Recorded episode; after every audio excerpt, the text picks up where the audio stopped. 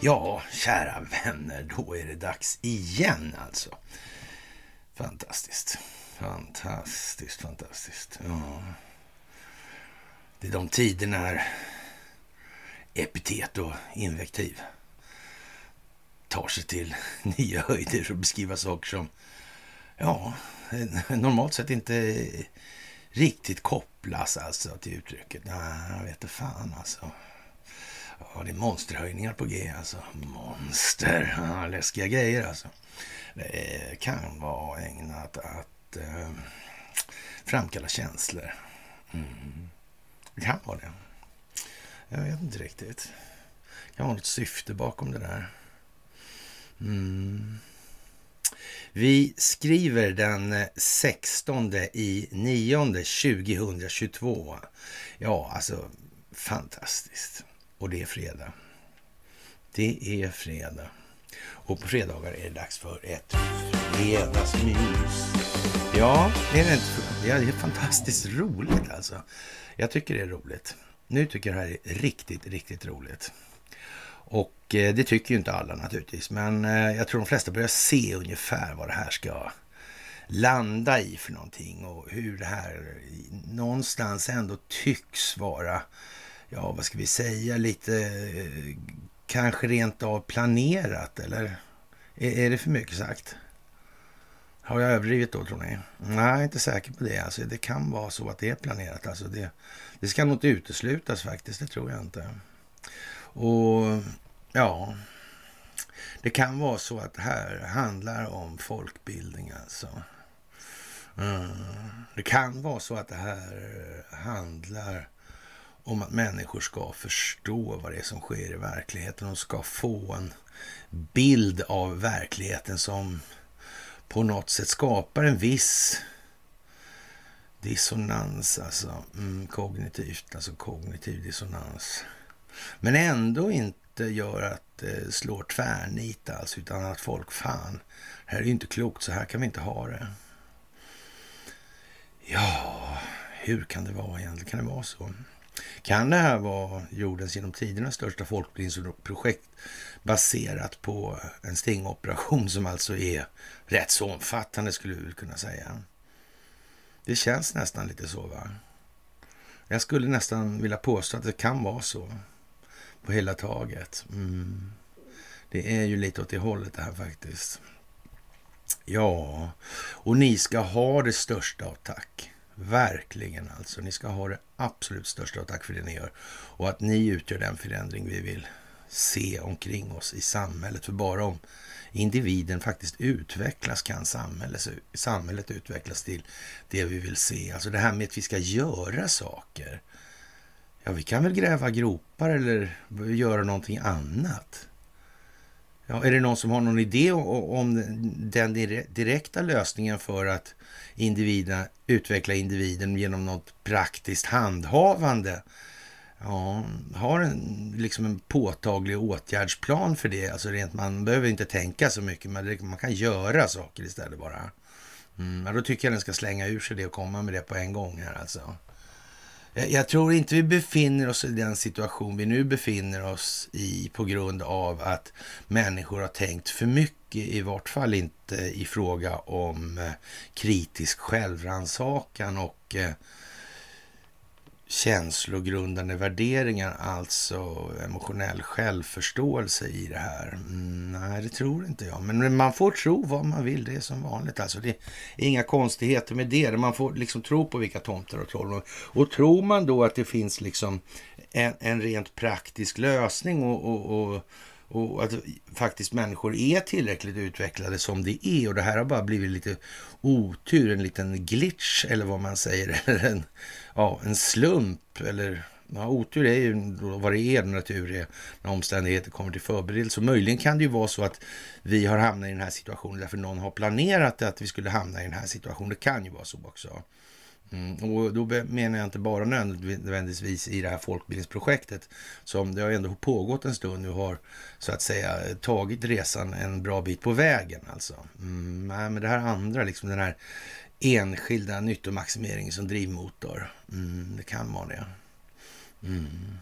Det är klart att det känns otåligt och så är det naturligtvis. Och det är en otacksam uppgift det här med att pyssla med upplysning till ledning och vidare upplysning och ledning. Mm. Och det går alltså inte att tala med alla på samma sätt. Av den, om inte annat borde man förstå det om man ser till hur det här har utvecklats historiskt. Man borde förstå att språkvården spelar roll. Ord spelar en roll i de här sammanhangen. Ord påverkar tankar.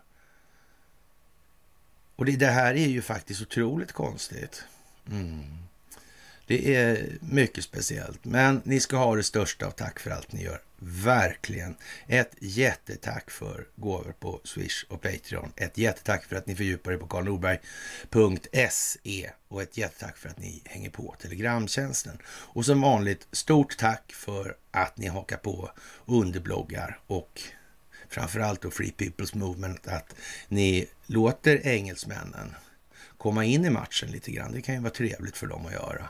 Och vi kan väl börja lite grann på just det där temat, för eh, den här uh, John Cleese alltså är, är, på driven, eller har varit på driven i norra Sverige och, och har varit på driven en Sverige-turné och han var inte så nöjd med hotellen varken i Umeå eller Luleå uh, Eh, när han uppträdde där då, då, i början på september. Och det där är lite komiskt faktiskt kan jag, kan jag tycka då.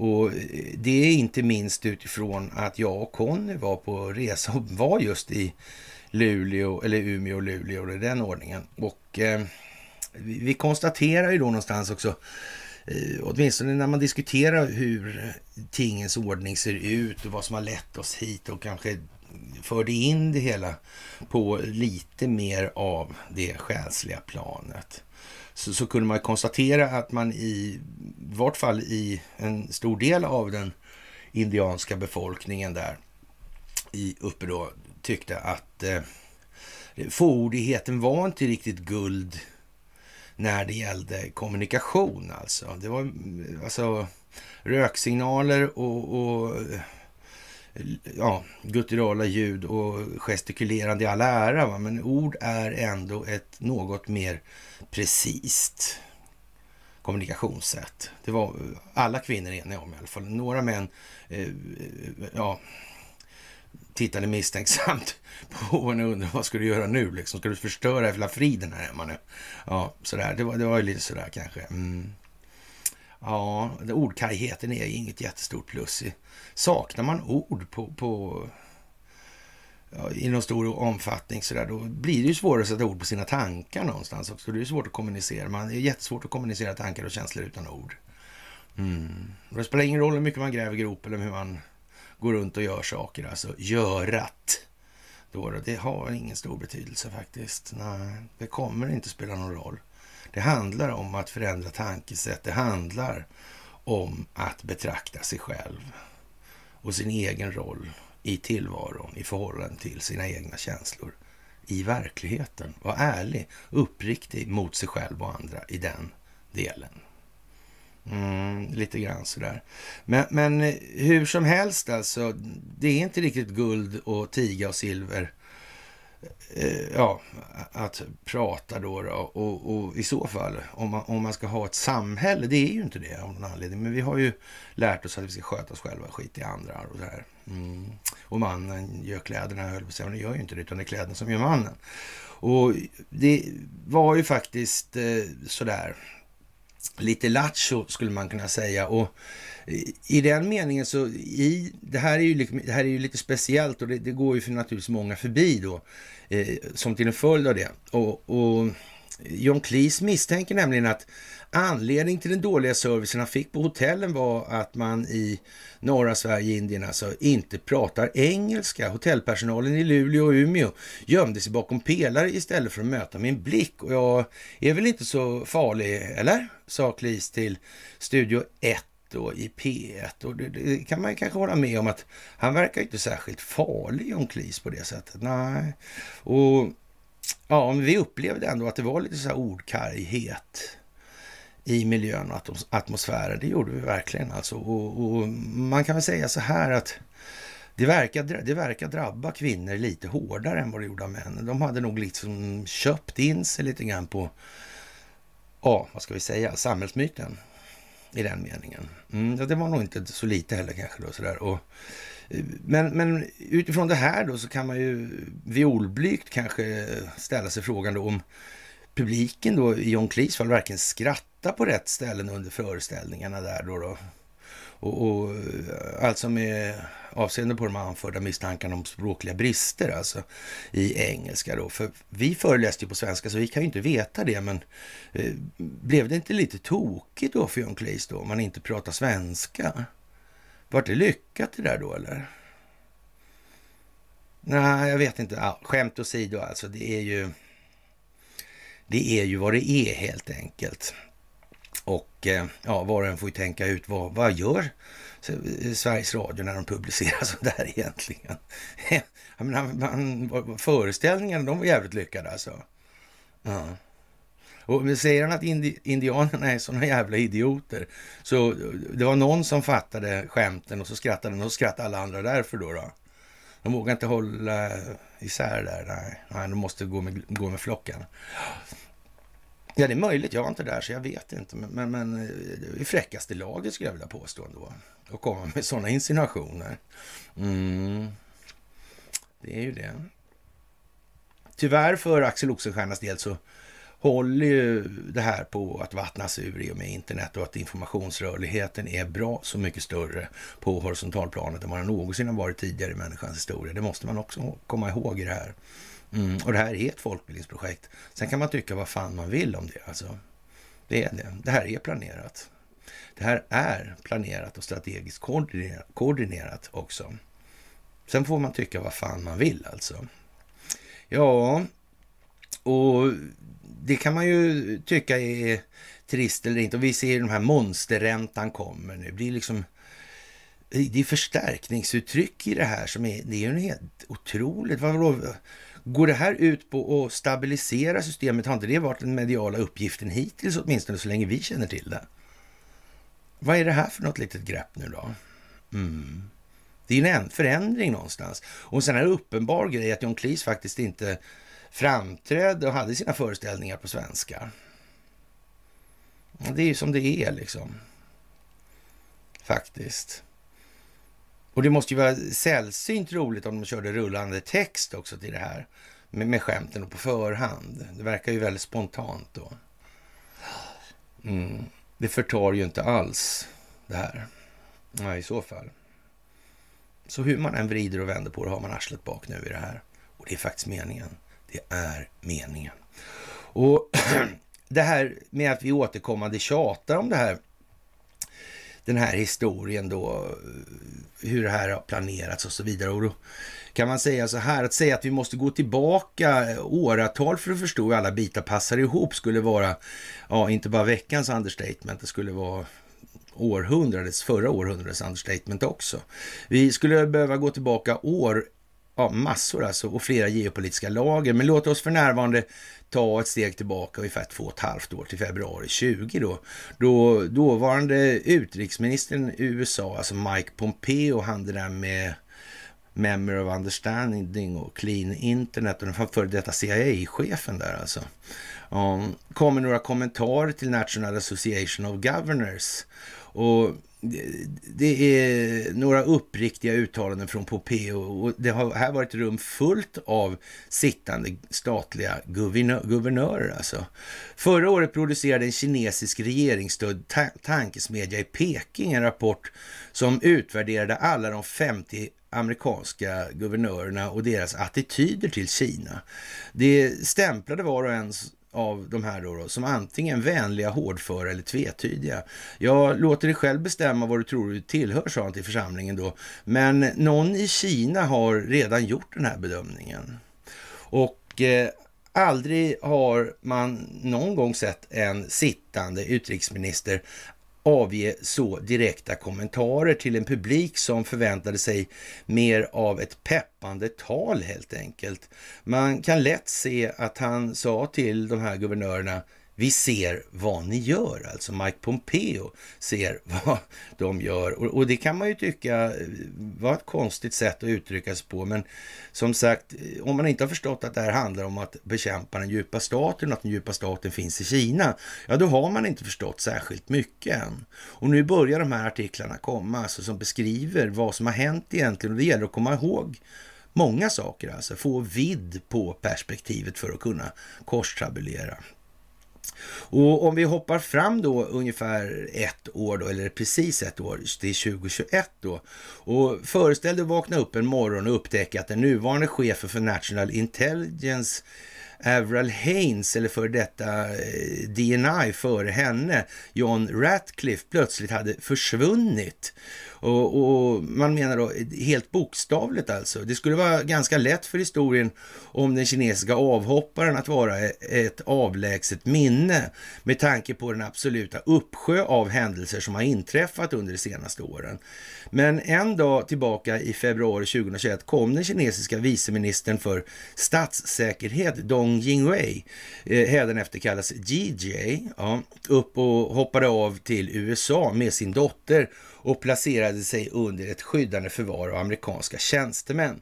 Det här var hela två veckor in då på Biden-administrationen. Och, och, det låter ju lite konstigt. Och hur kan det bli så här då? Var inte Biden då djupa staten? Jo, det är han ju i och för sig, men han har inte så mycket val annat än att göra vad han är åtsagd. Så har det varit hela tiden. Det är ingen liksom tillfällighet att det blir så här. Det här är riggat, planerat, koordinerat mellan de intressen som motverkar den djupa staten, ja, vars kärna det är liksom vår omgivning, om vi säger som så.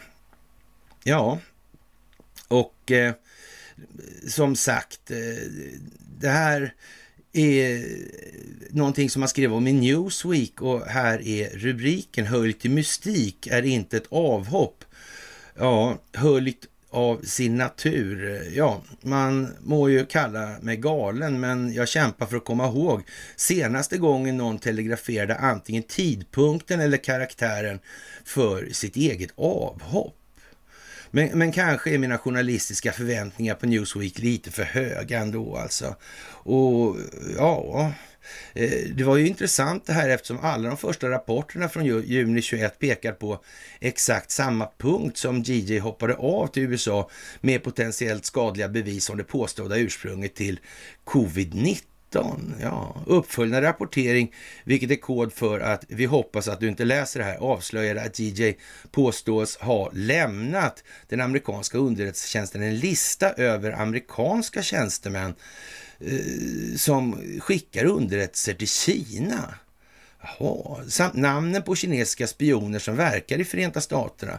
Det, det, verkar vara en del av viktig information att lämna utanför ekvationen nu. Eller kanske, är det inte det? Om det här är koordinerat, hade det där varit viktigt att veta då kanske? Varför betedde man sig som man gjorde? Var det för att exponera det här kanske? Kan det ha varit så? Kan det ha varit på något annat sätt? Jag vet inte faktiskt.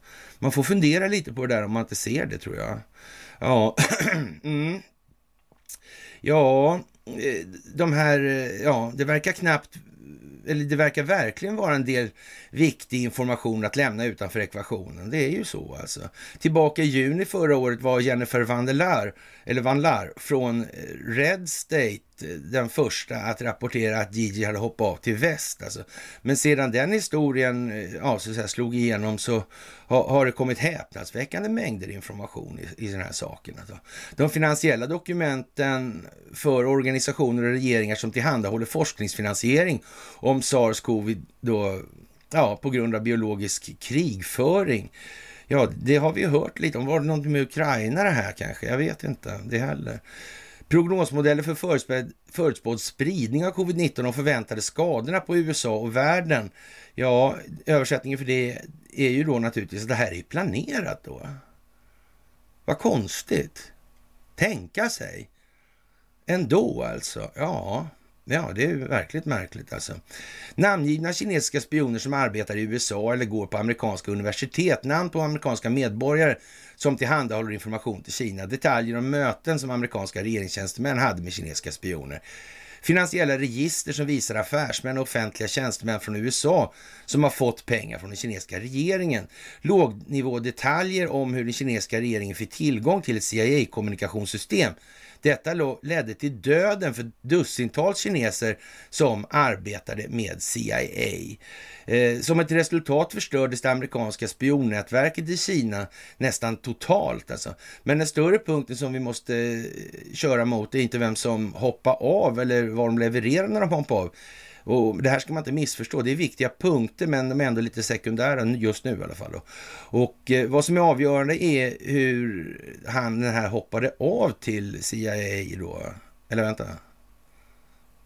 Han hoppade inte av till CIA ju. Så var det ju ja. Hur, var det med FBI till det han hoppade då? Nej, det var ju inte. Det var inte där heller. Konstigt alltså. Av någon anledning bestämde sig tydligen för att hoppa av till Defense Intelligence Agency, DIA då. Men eh, varför är det här viktigt nästan ett och ett halvt år efter att han hoppade av? Det är ju konstigt. Det skickade i alla fall ett intressant meddelande att mannen som känner till alla kinesiska spioners identitet i USA då valde att hoppa av till DIA eh, och endast DIA också. Det rapporteras vidare att DIA inte delar informationen med, eller som man fick då med, med varken FBI eller CIA. Och, och, nu, varför är det viktigt? Har, är det någonting om korruption på G med de här tro? Kanske det går ut på, eller vi kan säga enkelt så här, vad ska vi med dem där till egentligen? Man, man måste börja komma till den slutsatsen. Och sen får man gå ut och gräva lite gropar om man tror det är bättre att göra det än att skaffa sig själv förståelse för de här sakerna. Det kan jag säga på en gång. Alltså man, så, mm. Det är bra att förstå sin omvärld lite grann om man vill så att säga påverka situationen i någon egentlig mening. Ibland kanske din fiendes fiende inte är din vän, men eh, det kan säkert vara till hjälp när omständigheterna kräver det. Vi eh, ser att det här som pågår nu, den fort, fortsatta exponeringen av korrupta FBI, FBI och CIA i en tid då man som amerikan egentligen behöver lita som mest på de här och med hänsyn taget till vad som händer i omvärlden naturligtvis. Men just det DIA, alltså DIA alltså. Ja. Det, ja, det kan vara en helt annan historia. Låt oss inte glömma bort ursprunget till DIA i ljuset av vad vi vet och så fortsätter vi att avslöja då om dess motsvarigheter ja, FBI och CIA gör samma sak. Hur var det där med den här stingoperationen nu? Vem var det som stod för den nu igen? Det var i så fall de här som ska försvara då befolkningen och konstitutionen tror jag. Eller? Det kan det vara. Ja, det kan det vara, ja. Mm, precis. Och då kan det vara bra att ha den underrättelsetjänsten med sig, eller hur? För de har ju en egen då. Mm. Det kan ju vara en bra grej alltså. DIA erbjuder i alla fall en fristad för den här avhopparen, en plats där den kritiska mängd information som man hade att erbjuda löpte minst risk att bli begravd i den amerikanska underrättelsetjänstens avlopp, alltså i korridorerna där skulle man kunna säga, arkiven. Men eh, det som är mest intressant är att DJ hoppade av till DIA under en Biden-administration alltså. Och, och ja, och på något konstigt vis, alltså som aldrig har hänt förut eller på något liknande sätt, och hölls hans beslut att överlämna sig själv till DIA så hemligt att varken FBI, direktören Christopher Ray, då, som för övrigt lär spela dubbelt eh, som, vi uppfatt, som vi uppfattar i alla fall, och, eller CIA hade någon kännedom om det här. Och, och ja, är det någon som kommer ihåg något av det här överhuvudtaget? Nu är det dags att påminna sig det helt enkelt. För det här det är bara att kolla upp. Alltså, det är öppet, det finns bara, det är bara att slå. Det står nästan på Wikipedia alltså. Ja, det är lite udda får man nog fan säga alltså i det här läget. Och eh, ja, finansiella register som visar amerikanska affärsmän och offentliga tjänstemän som har fått pengar från den kinesiska regeringen. Ja. Finns det nån sån här Hunter Biden, är det en, en, figur som har liksom någon kopplingar till någonting? Kanske till Joe Biden? Jag vet inte, har de fått några pengar alltså? Och, och, och vem vet ens hur många andra som finns illsyltade i den här typen av verksamhet? Det är ju det är väldigt konstigt det här alltså. Ja, och när man tänker tillbaka upp i den här artikeln då från början då och det här eh, rummet fullt med guvernörer som tilltalades av utrikesministern Mike Pompeo där. Eh, var det en intressant dynamik i det här alltså? Han, han tilltalar dem inte bara som utrikesminister utan kanske ännu viktigare i de här sammanhangen. För han borde ju veta en massa saker kring det här. Eh, det borde han väl kanske ändå. Va? Han var ju ändå chef för CIA innan. Någon koll borde han ju skaffa sig då. Och om det här var en så att säga strategiskt planerad stingoperation som påbörjades för länge sedan. Vad gjorde egentligen Mike Pompeo där på CIA, tro? Ens? Ja, vad gjorde han där ens? Det kan man fråga sig. Det kan man verkligen fråga sig. Och det är ju liksom att någonting som, eh, ja, man måste nog säga att det ligger i farans riktning att Mike Pompeo hade fattat fattat poängen i det här. Och, och, om man inte tror att han kan eh, ljuga, stjäla och bedra eller hur han uttryckte saken här så Mm. Det är nog så i alla fall ändå. Alltså jag tror nästan man får eh, nästan intrycket att nu har eh, det redovisas så mycket delar av det här så att det börjar bli svårt att missa alltså. Mm. Ja. Och samtidigt så taktar då utvecklingen går i takt. Även här hemma inrikespolitiskt.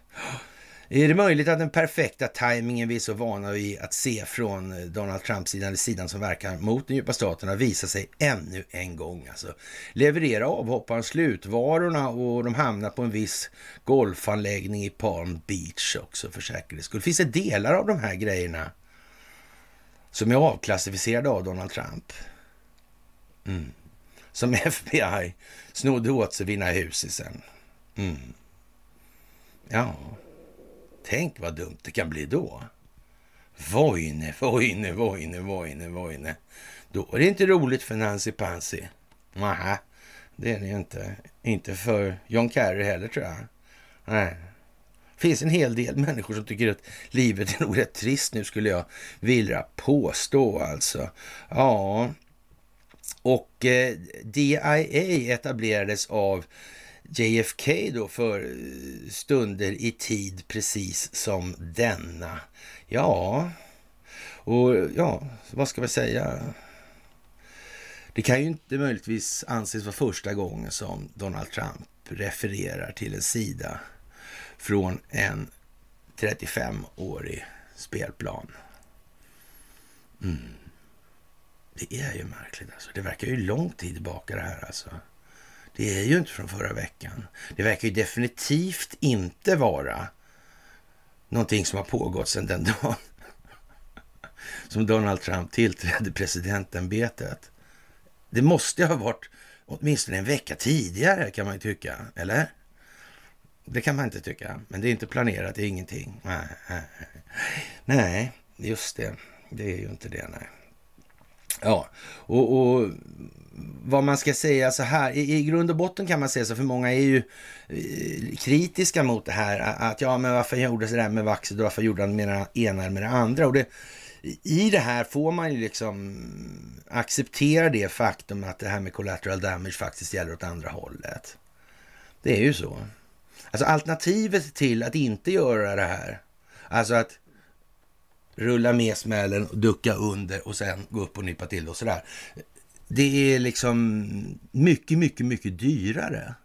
Man måste rulla med det här först. Mm. Sen kliva av. Och sen sätta in motverkan. Det är bara så. Och, och, och, är det så att det kostar på vägen, då är det ju så det finns ingenting att göra liksom. Det är ingen mening med att åsamka ännu större lidande än vad som faktiskt är nödvändigt. Det som är nödvändigt är ju nödvändigt och kan inte undvikas. Och det är viktigt att minnas i det här läget nu. Det är så också. Sen kommer det naturligtvis att visa sig vad de här olika medicinska och biokemiska effekterna är av olika preparat hit och dit alltså. Om det så framkallar polio eller vad det nu må vara liksom. Men det är ju ändå sekundära och underordnade frågor som redan är beaktade och hanterade i den meningen också. Det går inte billigare Och, och, det kommer att visa sig. Man behöver inte ha någon oro för det alltså.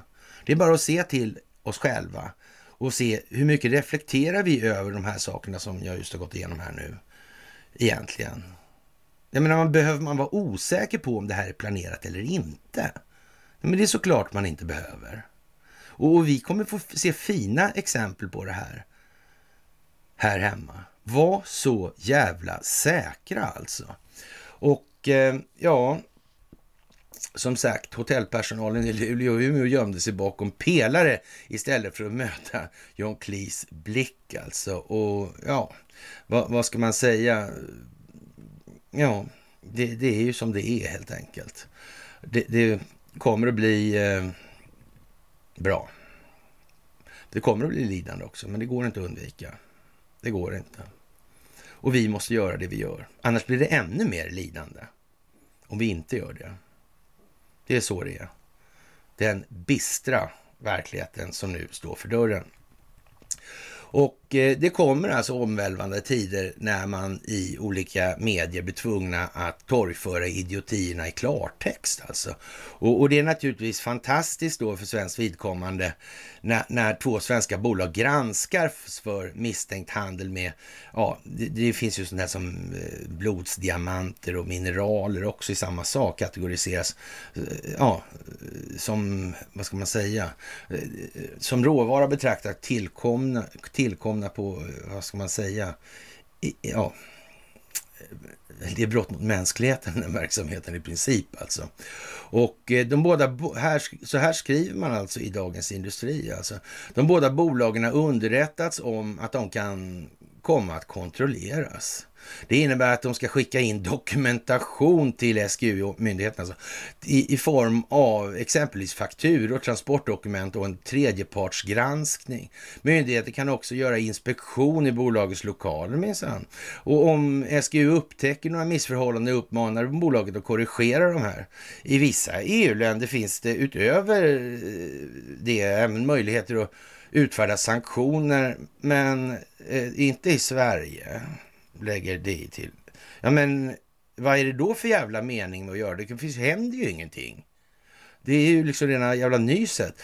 Och, och, myndigheten säger så här, vi har inga påtryckningsmedel i form av viten i Sverige. Däremot tror vi att svenska företag inte vill hamna på en sån lista, säger Peter Åkerhammar, men medger att det är oklart om SGU kommer offentliggöra uppgifterna.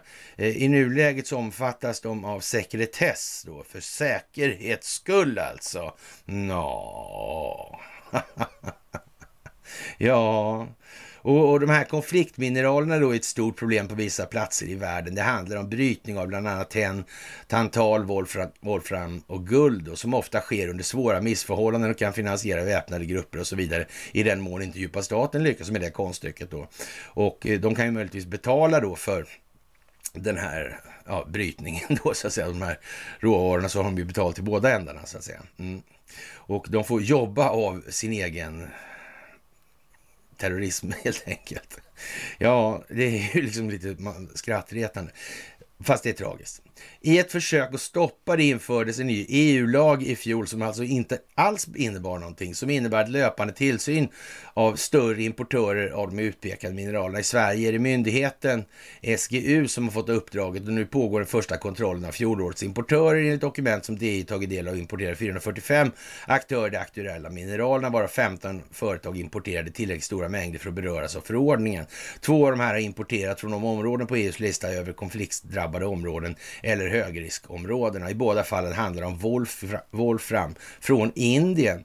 Man får importera från de här områdena, men då måste man eh, se till att det sker på ett, eh, och visa att det sker på ett korrekt sätt, säger den här här Åkerhammar. Och wolfram är en sällsynt mineral som används i bland annat verktyg och maskiner för, till gruvdrift. Vilka bolag som ingår i SGUs kontroller omfattas av sekretess alltså. Jaha.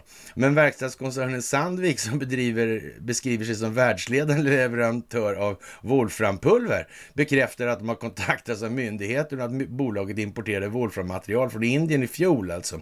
Myndigheter ska utöva tillsyn av aktörer som importerar mer än en given mängd från 30 kilo till 4 miljoner kilo då av konfliktmineralerna guld, tantal, tenn och wolfram. Syftet är att främja ansvarsfulla inköp och öka spårbarheten i leverantörskedjan för att stoppa missförhållanden, brott mot mänskliga rättigheter och finansiering av eh, väpnade grupper. Och man tror ju fan inte att det här är sant alltså. Det är ju som ett jävla skämt alltihop. alltså. Det är ju inte ens, och, och det är ju inte skämt, det är på allvar alltså. Det, det är ju något helt otroligt alltså. Förordningen börjar gälla i januari, januari i fjol och i år sker den första kontrollen av SGU. Enligt presschefen och Johannes Hellström rör det sig endast om sekundära rådmaterial i form av skrot. Ja, naturligtvis, för den här är ju inte skapad för att täcka för den här skiten alls. Det är ju inte det. Det hörs ju eh, nästan inte på, på vad som uttrycks från myndigheten själv alltså. Ja, det är ju, ja, och, och, han uppger dessutom att eh, materialet kom ju faktiskt inte från de områden som EU pekat ut som riskzoner. Ja, men då så. Ja, Ericsson ringer ingen klocka, nej, inga mutor, ingenting sånt där, så jag vet inte. Och, och, och, så vidare och så vidare och så vidare. Och det går inte att fälla de här för någonting i något sammanhang. Verkar det vara liksom en, en del av samma mönster? Verkar det vara som att den här jävla eh, cancern, den här hydran har spridit sig över hela planeten? Verkar det vara så? Verkar det inte vara så? Ja, svaret är givet. Jag hörde ett unisont vrål från långt bort. Ett avgrundsdjup nästan alltså. Hela helvetet kokar alltså. Ja, det, det, är ju jätte, jättespeciellt alltså i, i det här läget när våra medier börjar uttrycka sig så här. Det är ju inte precis vad de har gjort. Alltså det, de flesta människor tycker så här kan det väl för fan inte gå till liksom. Det kommer i öppen text nu alltså. Men det går inte. Hade det inte varit läge att säga, göra det, eller uttrycka det så här tidigare. Då hade det runnit av. Det var för dålig botten helt enkelt. Det hade rasat rakt igenom bara. Mm. Det är ju lite sådär speciellt alltså. Ja, och förordningen har alltså fått kritik för att vara verkningslös av flera skäl alltså. Människorättsorganisationen Swedwatch pekar på att korruption gör det svårt att säkerställa dokumentationens äkthet. Jaså, det var som fan alltså. Den internationella organisationen Global Witness kritiserar även att lagen inte omfattar alla konfliktmineraler och helt saknar reglering av ädelstenshandeln. Nej, det är alltså ett riktigt jävla Ja, som en kuliss alltså. Men det var värst. Oj, oj, oj, oj, oj, tänka sig. Vi hade ingen aning. Nej, men så är det ju naturligtvis. Kobolt som eh, är en viktig komponent i modern grön teknik finns till exempel inte med på listan, trots att majoriteten utvinns i den konfliktdrabbade Demokratiska republiken Kongo, där den kopplats till brott mot mänskliga rättigheter och barnarbete. I fjol importerades hela 371 ton kobolt till Sverige enligt Tullverket. Förordningen bygger på amerikansk lagstiftning som kom 2010 och då var inte koboltfrågan riktigt i ropet på det sätt som har blivit senare, förklarar Peter Åkerhammar. Jaha, vad är det här för jävla goja alltså? Ja, att det får fortgå, vad konstigt. Det, det, är liksom, det är nästan som man tror att uh, det finns institutionaliserad korruption och det här var ytterligare en sån instans som skapades för att ge sken av att det här gick minsann till under riktigt ordnade former. Ja, ja, i den humanitära stormaktens tecken. Mm, så ja. Ja, den eh, moraliskt dygdiga Moder Svea. Ja. Hon är inte alls någon sköka från Babylon. Nej, det är hon ju inte. Nej. Ja, som sagt, det handlar inte om partisk kontroll över regeringspolitik. Det handlar om befolkningens kontroll över regeringspolitik. Det handlar om att människor ska se och förstå. Hur fan ska människor kunna fatta beslut om de inte förstår vad det är som händer? Det är ju det liksom. Om det ska fattas beslut av regeringen så vill det till att människor i en tillräcklig omfattning förstår vad det är man fattar beslut om. Det är ju liksom inte skitsvårt exakt det här. Det går inte att gå ut och göra. Det måste tänkas. Problemet som vi står inför idag, det har tänkts för lite helt enkelt. Och det är ingen idé att en massa vilsna själar springer runt och gör en massa saker som de ändå inte vet vad det har bäring på i princip. Alltså man måste ju ändå förstå vad är problemet i de här sammanhangen. Och när det börjar komma monsterräntor och sådär, då börjar vi närma oss någonting som säkert är väldigt oväntat. Nu kommer alla bli väldigt ledsna. Ja, ja, ja, ja, ja, ja. ja. Ja, det är lite speciellt alltså. Och lite mer personligt ansvar eh, kan nog vara bra här, alltså inte önsketänkande illusioner alltså. Det är upplysning till vidare ledning och upplysning. Det är inget annat. Det här är inte skitsvårt alltså. Antingen går vi under tillsammans eller också så ja, reder vi ut det här. Det finns liksom inget annat. Jag menar, man ska inte tro att inte Vladimir Putin och Recep Tayyip Erdogan och Xi Jinping och Donald Trump att de inte har en aning om vad de håller på med. Det, det är inte så det är. Det måste man förstå nu någonstans. Ja, lite speciellt faktiskt. Och eh, det här med amerikanska centralbankens penningpolitik eller den svenska centralbankens penningpolitik. Det, då säger man det skapar kaos och turbulens i den globala ekonomin. Och ja, som sagt, och, och vad måste man göra i de här sammanhangen? Och, och det här med, med dollarhandeln och dollarn som handelsvaluta på världsmarknaden eller världshandelsvaluta. Och, ja det här är ju som sagt, vad är problemet här egentligen? I alla de här sammanhangen? Jo, det är att det finns en finansiell belastning som för länge, länge, länge sedan har passerat Plimsollmärket i de här sammanhangen. Alltså, det är skuldmättnadspunkten vi pratar om här alltså. Mm. Nu växer den ackumulerade räntekostnaden exponentiellt. Nu måste det till en väldig massa nya pengar bara för att, eller skulder då, räntebelastade skulder, för att likviditetsförsörja kostnaden för de tidigare skulderna. Och, och det här växer ju fort nu alltså. Det här håller inte på så länge till. Det är alldeles säkert. Mm. Kommer lösningen då? Nej. För om inte du fattar det här så är det likadant om en stund igen. Det är bara så. Och den här gången kommer det att gå mycket, mycket snabbare för nu finns det många, många, många fler som tänker sko sig själva och vara med för att få åt sig av det där då. Mm. Och det kommer bli mycket, mycket sämre, mycket snabbare för väldigt många. Så är det. Ja, det får man kanske tänka lite på. Och eh, tänka lite på, det kan man också göra när det gäller den interna kampen i Centerpartiet efter valet och det är väldigt bråkigt säger man där och det är väldigt konstigt säger vi då och, och tänker då lite så här i de här sammanhangen på FRA-lagar, Annie Lööf och, och mm, Stureplanscentern och Federley och sådana här grejer alltså. Mm.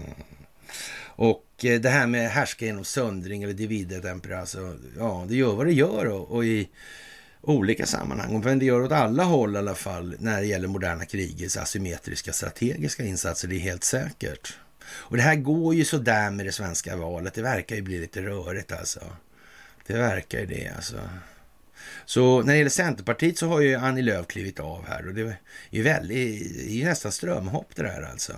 Och, och, det kan man väl kanske förstå att Annie Lööf gör i det här läget. Det är väl kanske ingen idé eh, och hon försöker kanske gömma sig bakom den turbulens som kommer nu. Så också, för ja, eftermälet eh, har i alla fall klara tendenser att bli olustigt för Annie Lööfs vidkommande. Det kan man inte liksom komma runt. Det går inte att komma runt Engström. Ja, efter Centerpartiets, ja vi kan säga så här också, e-, en sak som vi minns då kanske bör dra oss till minnes i de här sammanhanget var när man sålde Centerpressen. Sådär alltså. Mm, och de här 3,5 miljarderna man fick, det är så ohemult mycket pengar alltså. Och, och de här pengarna, eh, ja, som Centerpartiet har, är ju väldigt förmögen, förmöget gäng det där alltså. Mm. De har ju kvar mycket pengar alltså. Vad ska de göra av dem där nu då? Ja, för någon partiledare har de ju inte. Och Eh, efter Centerpartiets katastrofal och Annie Lööfs avgångsbesked väntar en intern kamp om framtiden, skriver Svenska Dagbladet. Tre strömningar står mot varandra. Det kommer att bli väldigt stökigt internt, säger en källa inom Centerpartiet. Alltså. Centerpartiets stora bakslag i valet slog ner som en bomb internt och eh, känslorna är starka.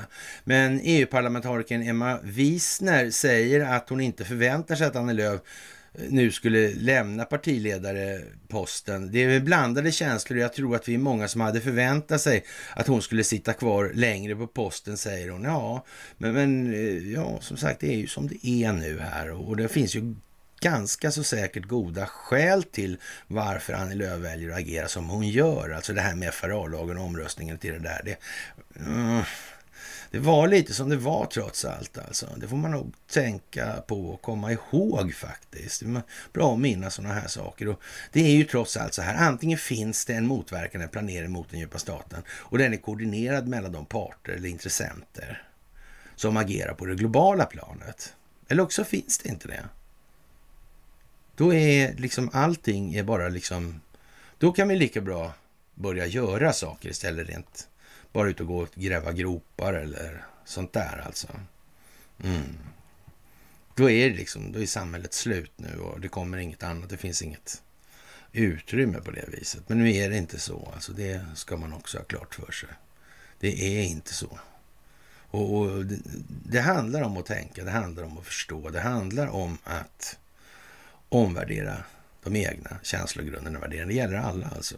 Hela tiden. Alltid för alltid. Så. Mm.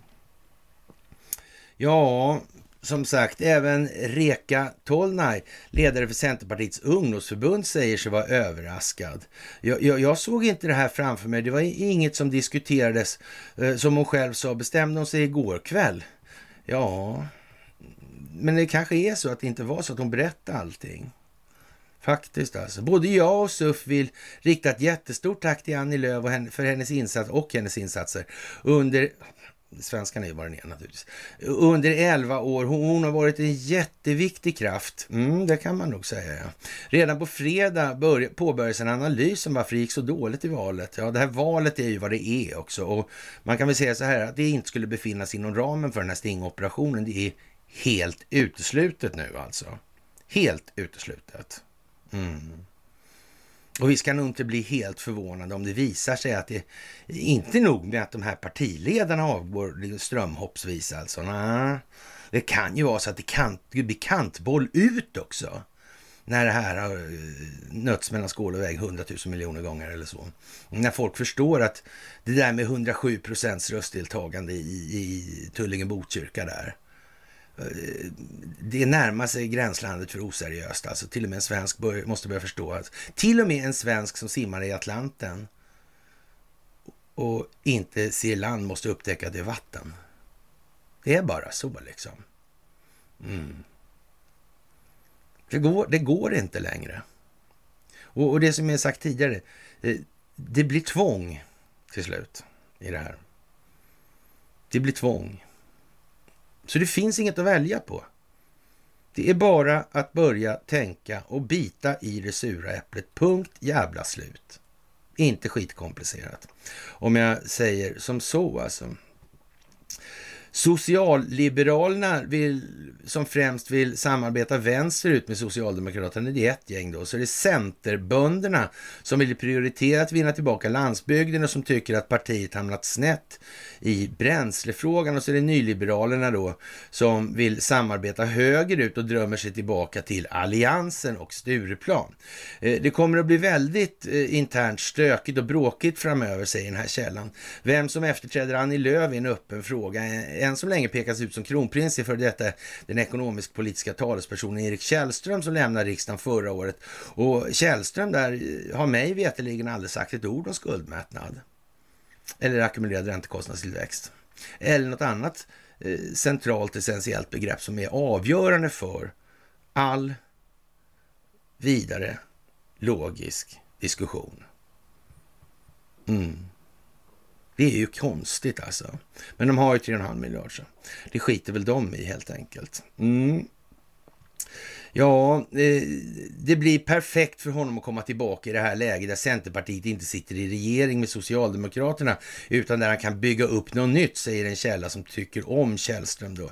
Andra namn som nämns är den nuvarande ekonomisk-politiska talespersonen Martin Ådahl, Elisabeth Tand Ringqvist som nu ser ut att komma in i riksdagen, tidigare SUF-ledaren Hanna Wagenius och Eh, e EU-parlamentarikern Emma Wiesner. Enligt Wiesner själv är det alldeles för tidigt att prata om efterträdare.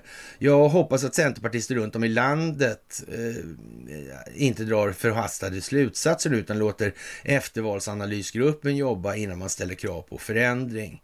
Ja, det är frågan om det. Det här med partier, det är ju vad det är liksom. Det är ju inte det, utan det viktiga är ju liksom att befolkningen förstår vad det här är. Befolkningen styr regeringen. Det är ju så det är. Och, och det här med folksuveränitetsprincip då, utan maktdelningsfunktion. Eller princip. Mm. Det, det, det, är kanske ingen höjdare. Och det här med att ha monarki då, är, ja det går väl lite bort va? Jag tror det är lite urtida helt enkelt. Och det finns anledningar som har med abolition och sånt här att göra i det här. Mm, jag verkar lite sådär halvsvagt alltså. Men jag tror ju för den sakens skull att uh, rättssystemet till delar Eh, behöver inte vara helt jävla värdelöst. vi, vi ser ju det på de här åtalen som kommer kom nu till exempel mot Björn Hurtig. Och vi ser att, eh, ja, i alla fall ser det ut som att Petra Lund inte är helt, helt jävla tappad. Vi ska väl inte skriva under för hårt på det än. Alltså, men det, det, det, finns lite anledning till hopp i den delen i alla fall. Det måste någonstans också vara på det viset att några måste ha varit vidtalade tidigt i det här. Och, och, att det skulle vara sån jävla otakt på det, det går antingen ut på att sänka Petra Lund eller också så är hon faktiskt på plats av en anledning. Det är ju lite så det är. Och, och då kan man väl säga så här att utifrån att åklagarämbetet faktiskt spelar en helt centralt avgörande roll inom ramen för rättssystemet och dess verksamhet så verkar det ju lite snett planerat att men det är klart, om man hellre vill ha kanske till exempel då amerikansk militärlagstiftning som vägledning för det här. Och det är klart att det, det kan man ju ha eh, ett tag då sådär och under delar kanske till och med också. Mm. Det kan man ju ha. Det här med Hurtig är speciellt. Alltså det där har knappast skett med ja, så att säga, stöd i, helt stö, fullt stöd i, eller i svensk lagstiftning. Det verkar jävligt konstigt. Och det verkar geofensat så det bara räcker alltså. Mm. Ja. Det kan man nästan tänka sig att det är fallet även med, med politikerna. För det var ju avlyssning där, det var danskarna tror jag, som upplät sitt Eh, eller sin telekominfrastruktur för amerikaner avlyssnar svenska politiker. Det kanske var några stycken alltså. Det kanske var så att man avlyssnade ända ner på partinivå man kanske till och med har då så att säga dokumenterat det här valfusket på ett sätt som kanske rent av liknar då det man har gjort i USA. Men det handlar då alltså om folkbildningen i det här, att folk måste faktiskt förstå själva processen. Det här med valsäkerheten alltså. Ja. Det är bättre att man inte behöver avslöja vad man röstar på än att valet blir rätt och riktigt. Så har ju vi i Sverige. Vi har ju hellre valhemlighet än vad vi har signerade och verifierade valsedlar som kan stämmas av mot röstlängderna. Och då kan det ju bli lite tokigt som i det här eh, Tumba-Tullinge-fallet alltså. Mm, 107 procent valdeltagande. Det har varit i USA också naturligtvis, men ja, det är inte riktigt uppe så ändå. Det verkar precis som att det, det taktar ju så här. Det går ju liksom någon form av parallellitet i det här så, som man kanske inte ska underskatta betydelsen av i så mått. Det kan vara så. Helt jävla säkert. Ja, och en som tycker Annie Lööf har landat i rätt beslut är Julia Eriksson, ordförande för Centerstudenter, som skriver på Twitter att det finns utrymme för förnyelse. Ja, det kan man ju kanske trycka då. Eriksson har varit öppet kritisk mot partiets samröre med Socialdemokraterna och anser att Centerpartiet varit för dåligt på att utveckla ny politik. Hon skyller på sam att samarbetet med Socialdemokraterna slukar för mycket resurser. Och jag vet inte vad jag ska säga i det här alltså. Ja, visserligen har de 3,5 miljarder vad det kan röra sig om och sånt där fortfarande, men... men eh, mm. Men tror människan på allvar att det här är någonting annat än ett spel för galleriet som går ut på att upprätthålla det här systemet som verkar till det eller till den djupa statens fromma, eh, eh, då kan man säga så här, då är hon kategoriskt totalt olämplig. Har hon inte begripit vad det här är för någonting ännu, då, då ska man nog, det är som att ge en femåring en laddad pistol alltså. Man kan säga att är, det är inte beslutsfähigt på alla håll och kanter, det är så. Nej, det är bara så. Ja, och ja, det är jättetufft att sitta och förhandla med en regering när man själv inte sitter i den. Jag har jättestor respekt för personer på kansliet och ledamöter som suttit i de här förhandlingarna. Ja, men, men det har tagit jättemycket tid alltså, säger hon innan Annie Lööfs avgångsbesked. Julia Eriksson tror att det kan vara nyttigt för Centerpartiet att under den kommande mandatperioden sitta i opposition och välkomnar eftervalsanalysen. Ja, det kan man ju tycka, men utan partiledare och sådana här grejer och tre falanger som krigar med, varandra. det känns som att det blir nog mest bråk om pengarna där. Alltså det andra kan vi nog känna, ja, det är lite obsoleta aspekter helt enkelt. Ja, då blir det ingen partiledare där då kanske. Mm, för det måste ju ändå vara något som kan ena de här olika falangerna. Och istället flaggar man upp då nu att det, det är olika falanger. Mm. Hur går det för Liberalerna? De klarar sig bra, ja, mår bra. Ja, hälsa morsan? Nej. Aha. Ja, men vad... Tänk om de trillar ur då? Tänk om det är felräknat? Eller fuskat? Eller något? Ja. ja socialdemokratin är ju liksom ett mer ett säkert kort. De har ju så att säga 70, har 70 år av klanderfritt beteende i historieböckerna mm, att luta sig mot. mm, mm, mm. Ja, ja. Men Sverige ska bli ett föregångsland för Ukraina. Mm. Som ska avnazifieras och demilitariseras. ja. Ja, ja, ja, ja, ja, ja. Ja, det är bra att Centerpartiet låter analysera det här, tycker en Reka Kolnaj då. Och ja, jag för, hoppas och förväntar mig helt ärligt att man faktiskt vågar vända på varje sten när det kommer till vad som har påverkat det här valresultatet. Och det kanske man inte möjligtvis vill veta, utan man kanske ska vara lite krass och konstatera att de tidigare valen kan ju ha varit så, vi ska inte utesluta den möjligheten totalt, alltså att det har förekommit valfusk förr i svensk historia. Mm. Det är ju trots allt viktigare att ingen behöver tala om vad de har röstat på. Redan där måste man nästan känna så här, men fan vad är det så jävla viktigt? För det enda det skulle kunna tänkas vara viktigt för det är om man håller på med valfusk så de inte kommer ihop så säger så här, men vi, har ju, vi åtta röstar ju på det här och det är bara nio röster, varför fick vi inte rätt liksom? Mm. Men det går ju faktiskt inte att kolla nu när de här valsedlarna inte är signerade och verifierade till sin, till sin signatur. Mm. Är inte det speciellt kanske? Jag tycker det är lite speciellt faktiskt. Jag, ändå, men det är småaktigt av mig i och för sig. Ja, vi får se vad valanalysen säger alltså. Och, men, däremot får Centerpartiet alltså ta in det sorgliga faktumet att över 20 procent av Sveriges befolkning har röstat på SD. Och det är ett misslyckande för alla. Ja, det kan man väl kanske eh, säga också om det är så att det är så. Och, och det vet ju inte vi i det här. Men, men visst, det, det, är en väldigt stor andel av befolkningen som inte förstår de geopolitiska aspekterna på utvecklingsläget just nu globalt. Så är det ju.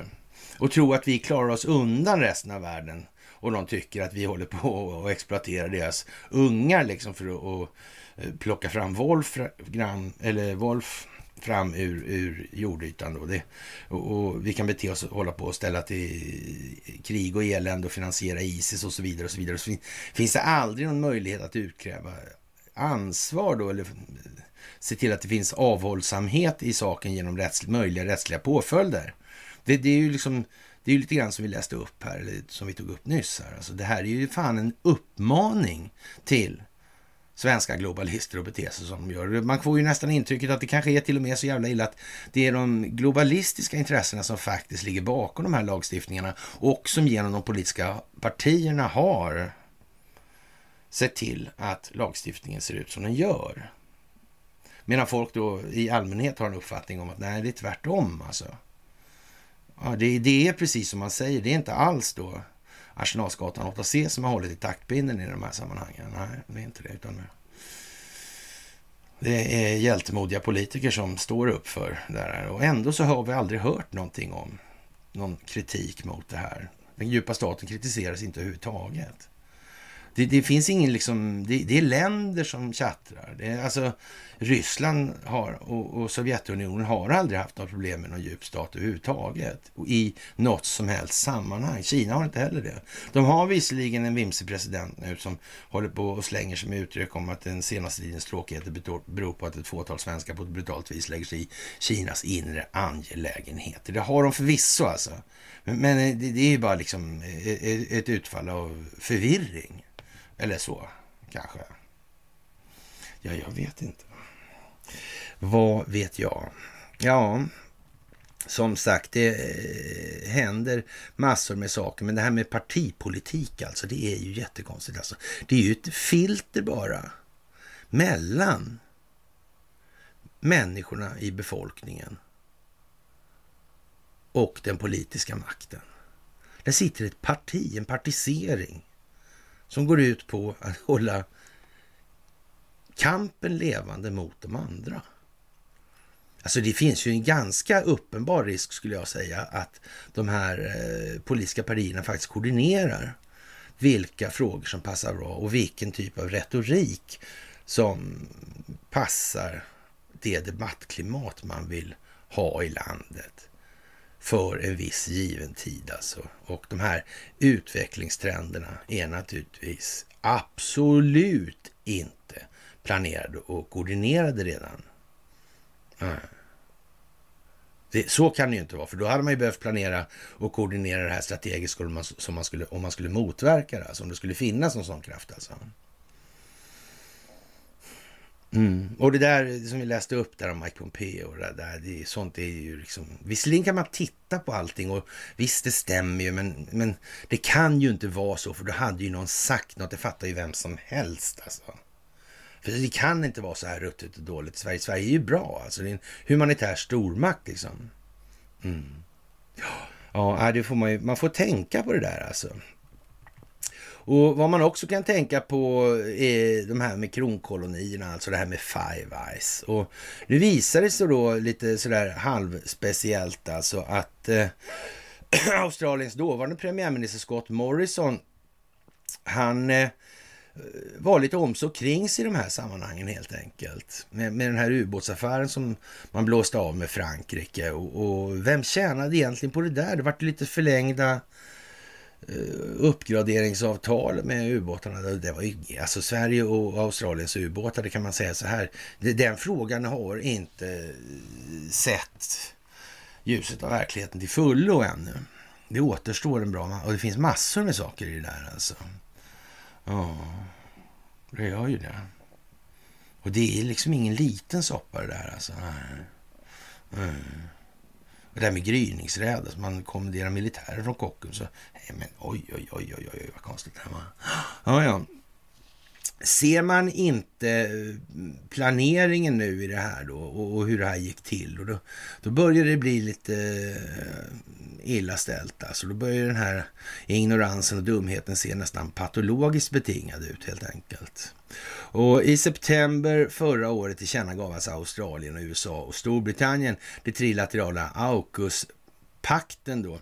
Samtidigt skrotade Australiens dåvarande premiärminister Scott Morrison också ett franskt ubåtsavtal på flera miljarder, vilket resulterade i en diplomatisk konfrontation mellan de två länderna. Och, och vi minns ju det där med han, den där hederslegionären och avtackningen i det där. Han har ju väl fingrarna i de här ubåtsaffärerna. Han var ju en sån som tjänade på det där när, ja, Scott Morrison gjorde så här. Alltså. Så det, någonstans blir det en exponering i det här som gör att det väcks frågetecken. Alltså kan det här verkligen...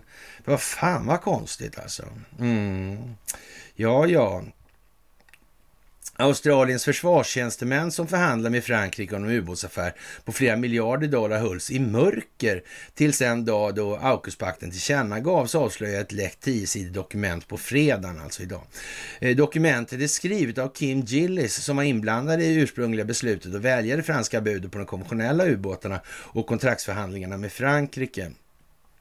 Den tidigare australiensiska försvarstjänstemannen Gillis tillbakavisar nästan alla påståenden, inklusive höga kostnader, som Scott Morrisons regering gjorde mot den franska ubåtsaffären, samtidigt som det tillkännagav AUKUS-pakten med USA och Storbritannien. Problemet var att det fanns en alternativ strategi som utvecklades bakom stängda dörrar utanför de accepterade avtalsprocesserna, sa Gillis. Den tidigare australiensiska försvarstjänstemannen sa att Naval Group och Macron-regeringen inte hade fått ett dugg av med meddelanden från de australiensiska förhandlarna om att Morrison-regeringen skulle skrota affären.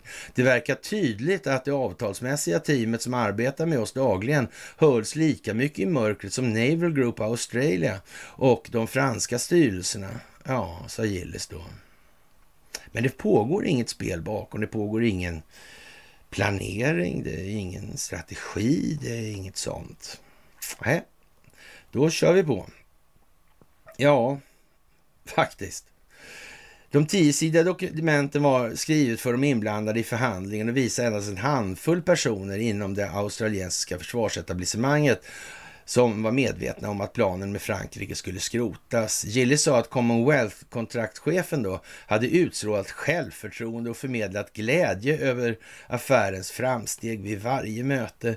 Jag, jag tror att det är helt oacceptabelt när samhällets kontraktschef är utesluten från diskussioner om en uppsägning av kontraktet för vad som nu ser ut att vara ja, eh, sex eller flera månader, sa Gillis i en försvarsinsider intervju här. Och Gillis avvisar också rapporter som hävdar att 12 ubåtar från Frankrike skulle kosta mer än 90 miljarder Australiendollar då och det är 60 miljarder amerikanska då under avtalet. Alla hänvisningar till uppsägningen med Naval Group av ett kontrakt på 90 miljarder av eh, Australiendollar är avsiktlig lögn och en total felaktig framställning av programmet, sa Gillis. Avslöjandet kom som ett resultat av att den albanska regeringen inledde en utredning mot förre premiärminister Morrison för att ha, ja, så att säga, havererat den demokratiska processen genom att agera i hemlighet och utan regeringens vetskap.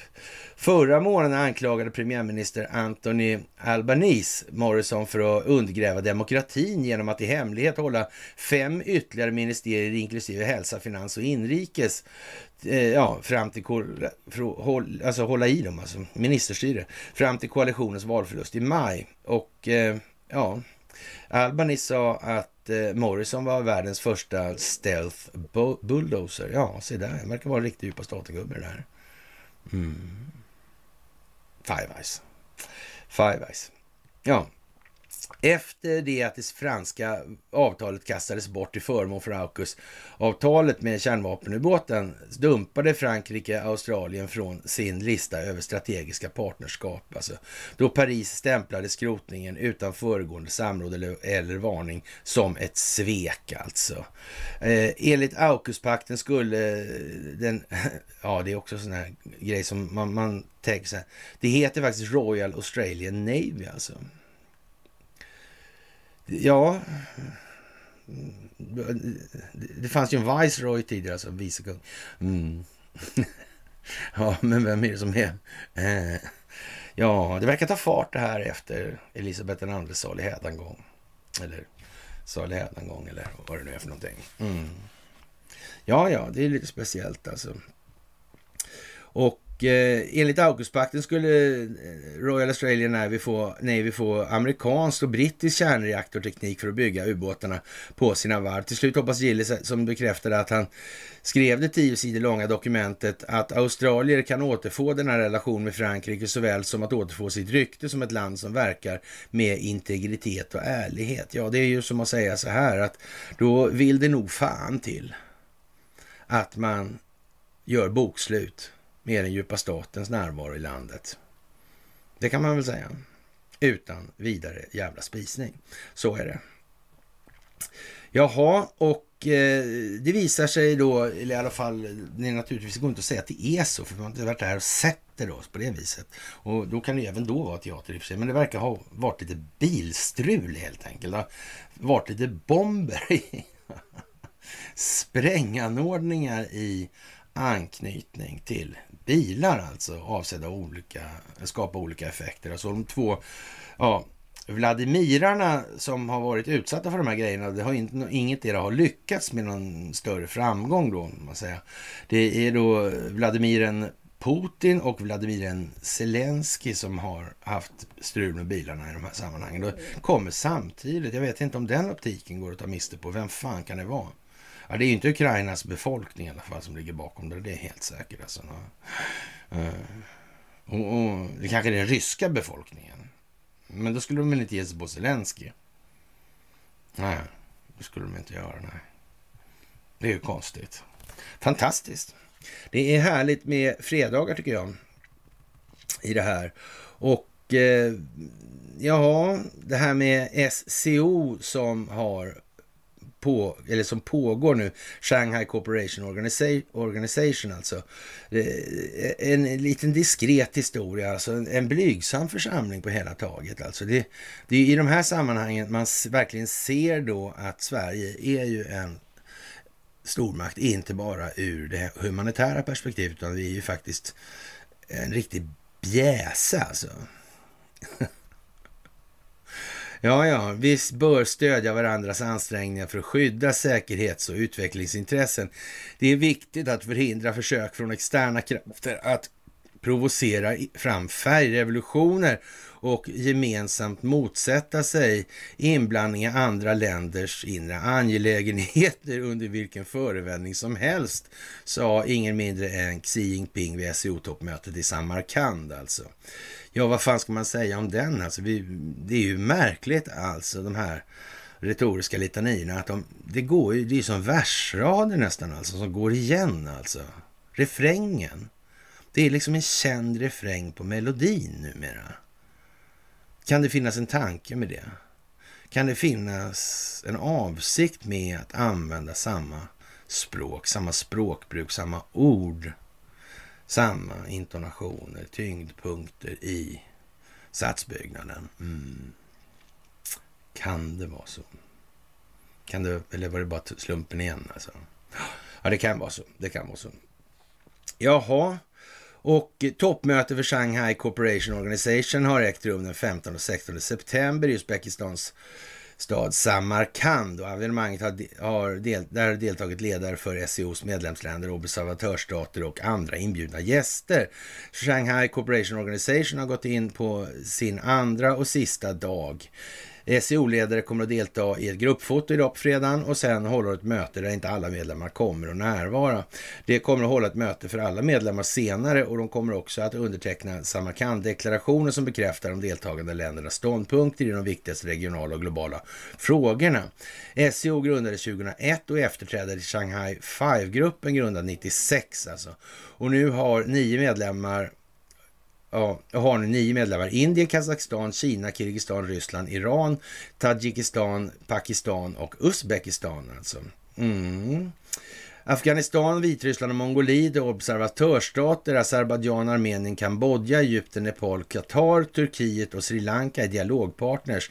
Iran ansökte om att bli fullvärdig medlem vid SEO-toppmötet i Dushanbe i september 21 och anbudet från Saudiarabien som lanserades vid samma toppmöte är fortfarande oavgjort. Ja, i år ansökte Vitryssland officiellt om att bli medlem i SEO som fullvärdig medlem och jag vet inte, vad ska vi säga? Det säger väl någonting kanske. Och man kan väl säga så här, det är en eh, oåterkall, oåterkallelig förändring som sker just nu. Det kan man tänka på faktiskt. Och det här är möjligtvis planerat. Möjligtvis alltså. Inte helt säkert, men lite grann faktiskt. Ja. Det är spionistiskt helt enkelt, tycker Alén då. Ja, det är ju konstigt. Varför säger han så? Ja, ja. Och regeringen slopar skatterabatt för serverhallar efter 1,3 miljarder går DI ut. Och det spelar ju egentligen ingen roll i den meningen. Vad är det för opinionsbildningsmässiga effekter? För det kommer ju en massa röster nu som, vad ska vi säga, det är inte så jävla glättigt på eh, ja, den djupa statens beundrar sektion, alltså på läktaren. Nej, Nu smakar det skit i munnen alltså. Mm. mm. Och, och, det är fan inte roligt om man har haft fingrarna i, alltså för den här jävla geofencingen, den verkar kunna ställa till det. Alltså det verkar vara så alltså. Ordentligt alltså. Mm. Jag tänk på sådana här konstiga saker. En del saker ser de visst jättebra, andra saker ser de inte alls. Fan vad tokigt. Och ingen vet ju egentligen hur mycket de har kört. Och, och det här med lagerhållningen, det där molnet, vad finns det egentligen ens? Äh? Var står det någonstans? Parkerar det på nätterna liksom? För, förtöjer man det någonstans? Eller kan det flyga ut i rymden? ja, ni vet ju själva liksom. Ja, som sagt, det är speciellt med en bild på eh, Mikael finansminister Damberg då. Ja. ja. Och eh, ja, Kina kommer införa sanktioner mot toppchefer för amerikanska försvarsföretaget Raytheon Technologies och Boeing Defense då för att ha sålt vapen till Taiwan. Och det var ju konstigt alltså. Mm. Men som tur för, är för de bolagen så har ju då underlivsporslinet kontroll över det här. Ja, ja, det, det, är perfekt alltså. Det är perfekt. Ja, ja. Jaha, och eh, vad ska vi säga? Eh, Kjells arvtvist olöst efter fem år. Han kritiserar att advokatfirman, ja, vad konstigt. Alltså, under de fem åren som har gått advokatkusterna fortsätter att ticka på nu uppe i 100 000 spänn. Pengarna dras från dödsbot. Alltså, det är väl aldrig så att advokater sätter sånt system alltså. Det, det, skulle ju de aldrig göra. Alltså, de är ju liksom beroende av det här anseendet. Mm, och svenska rättssystemet. Men vi kommer tillbaka till herr Hurtig alltså. Den den är fan obetalbar alltså. Och eh, ja, mm, som sagt, mycket speciellt alltså faktiskt. Och eh, det här med underlivsporslinets tondövhet, det blir ju lite grann sådär att eh, han ska göra någonting som ingen annan vill göra eller kan göra på det sättet. Alltså. Man måste ha en underlivs, underlivsporslinsfigur alltså. Caught by the balls alltså. Mm. Så är det. Och det, det, man kommer inte runt det alltså. Det är bara så. Jaha. Och eh, nu annonserar Ryssland att man kommer eh, med en, ja, Eh, vad ska vi säga, en eh, ersättningsverksamhet till Nord Stream 2 alltså. Oh. Power of Siberia 2, rörledningen. Och, och, ja, det är lite speciellt alltså. Faktiskt. Mm, man planerar att öka till Kina. Och sen får väl västvärlden stå där den står då, då i det här. Mm. Men problemet är ju alltså att eh, de globalistiska intressena faktiskt har intervenerat överallt. Mm. Det kommer att slå tillbaka. Så är det också. Helt jävla säkert. Jaha. Och eh, ja, det är strategiska beslut alltså. Det är bara så alltså. Det är en strategi nu vad som kommer att ske och ingenting annat. Och vi har ju använt oss i det här landet av det här med politiska kulisser till tårögd leda alltså. Och folk köper ju den här jävla rappakaljan. Mm. Fast den sakliga grunden är helt jävla värdelös alltså. Mm. Det är helt otroligt. Alltså man tar kriget mot terrorismen. När började terroristerna? Var det någon jävla, liksom i, i någon sammanhang? Det var någon, någon flygplanskapning och någon Bulltofta-historia där tror jag. Och sen var det någon jävla ambassad. Lägg ut, lägg ut, lägg ut. Jävla byfåne, håll käften liksom. Mm. Vad hette han? H, H, H. Mm. Mm. Ja, ja, ja, någonting Holmström kanske. Ja, kanske sådär. Mm. Hur var det med straffen för de där då? Det vart hårda straff. Mm. Ja, men alltså... Ja, Telubaffären. Jaha, nähä. Var det militär radar? Ja, jaha, var det robot 70 också? Ja, ja. Alltså de spred sig sen över... Ja, jaha, ja, men fan kunde veta? Det var, ja, ja, Lockerby där också. Ja. Men tjena liksom. Oj, oj, oj, oj, oj. Mm, en av fem som visste hur det var med Palme. Hej och hå liksom. Alltså det var ingen bomb. Nej. Detonations eller spränganordningen var intakt. Ja, men hur fan gick det när den sprängdes då? Och så vidare. Jaha, på Malta var det något. Ja, det satt ihop med det där ja. Mm. Ja, det där är liksom... Det är långa stories, men det är samma soppa hela tiden alltså. Terroristinkubator sa ju Recep Tayyip Erdogan i de här eh, sammanhangen när det gäller Sverige och terrorister alltså. Och vad kan han ha menat? Det var ju massa saker i de här sammanhangen och vi har haft det här chattret med Miljöpartiet och, och gråvargar och vi har haft den här, um, vad heter han nu då? Yasser, han som är han i Barbara Spectre där alltså, mm, på bilden. Ja, Yasser Khan var det nog vad han hette. Hans farsa var väl i svängen också. Där, va? Han är någon jävla upprorsmakare i Thailand alltså. Åh fan alltså. Jaha. Jävla lattjo. På tal om eh, försvarsindustrin, har Thailand något med Sverige att göra försvarsindustriellt? De producerar mycket som Sverige behöver. Nej, alltså det är tvärtom. Jaha. Ja, ja, ja, vi säljer massa grejer dit alltså. Mm, jaha. Inte övervakningsutrustning och sånt eller? Det är inte just det vi satsar på där. Jaha, nej. Nej, de vet bara vad de ska leta ändå hela tiden. Där kan man snacka att de kan geofensa. Det kan man ja. Mm. Det, det verkar så vara som att thailändarna kommer aldrig att fatta det där. Alltså. De blir bara förvånade att de alltid lyckas dyka upp på fel ställe. Sådär. Ja, ja, ja, ja, ja, ja.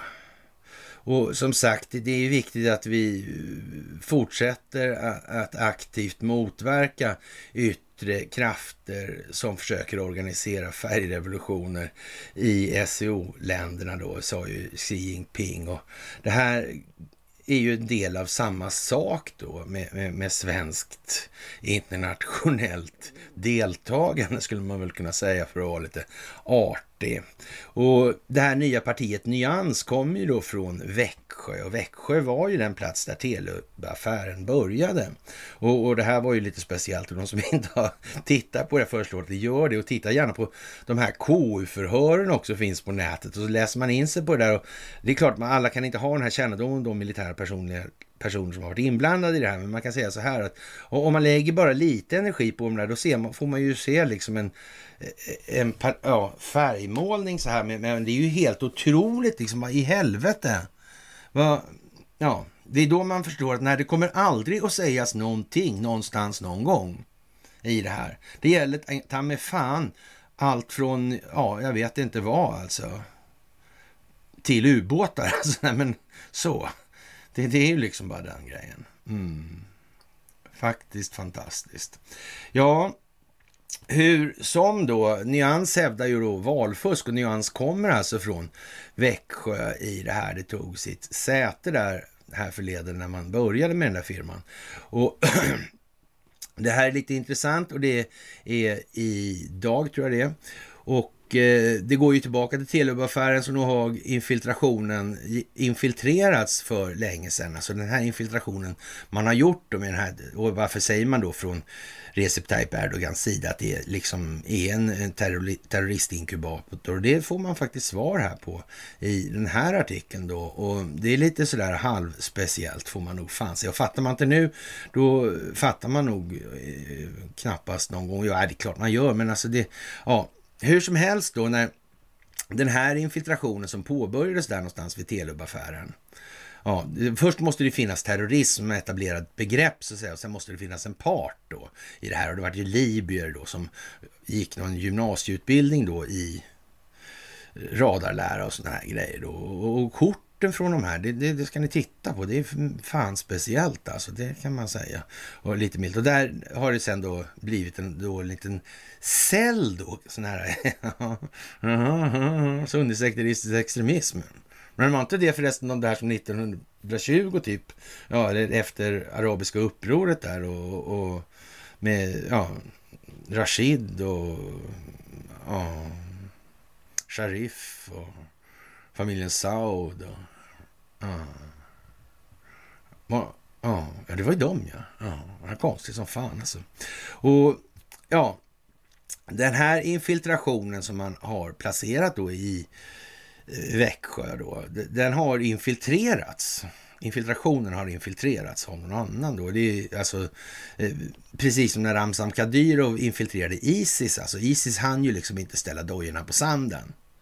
Så kom det ju tjetjener och ville erbjuda sin hjälp och vi är med på den här grejen. Liksom. Ungefär som där jag brukar säga att ja, men man ska göra en hemlig grej och så är man två man då som står och pratar om en hemlig grej ute i skogen och den ja, är, är känslig på något vis. Så dyker upp en tredje gubbe och jag vill också vara med på det här.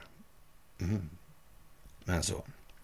Ja, och eh, ja, det här har eh, pågått en bra stund. Alltså när Ramzan Kadyrov infiltrerar Isis då i det här sammanhanget då, så, så kan vi vara fullständigt förvissade om att nyans fanns i säck för att hamna i påse i det här. Det, var ju som, det här är ju långt senare. Och Ja, partiet Nyans höll en presskonferens i Kista på onsdagen. Ledaren Mikael Yüksel inledde med att hävda att partiet utsatts för valfusk. På valkanslierna har man inte velat ta emot valsedlar från oss, säger Mikael Yüksel utan att precisera vilka valkanslier det rör sig om. Och han hävdar vidare att han har i mejl fått bekräftat att valkansliet, valkanslier i partiets att partiets valsedlar inte har kommit med. Partiet kan komma att överklaga valet, säger han.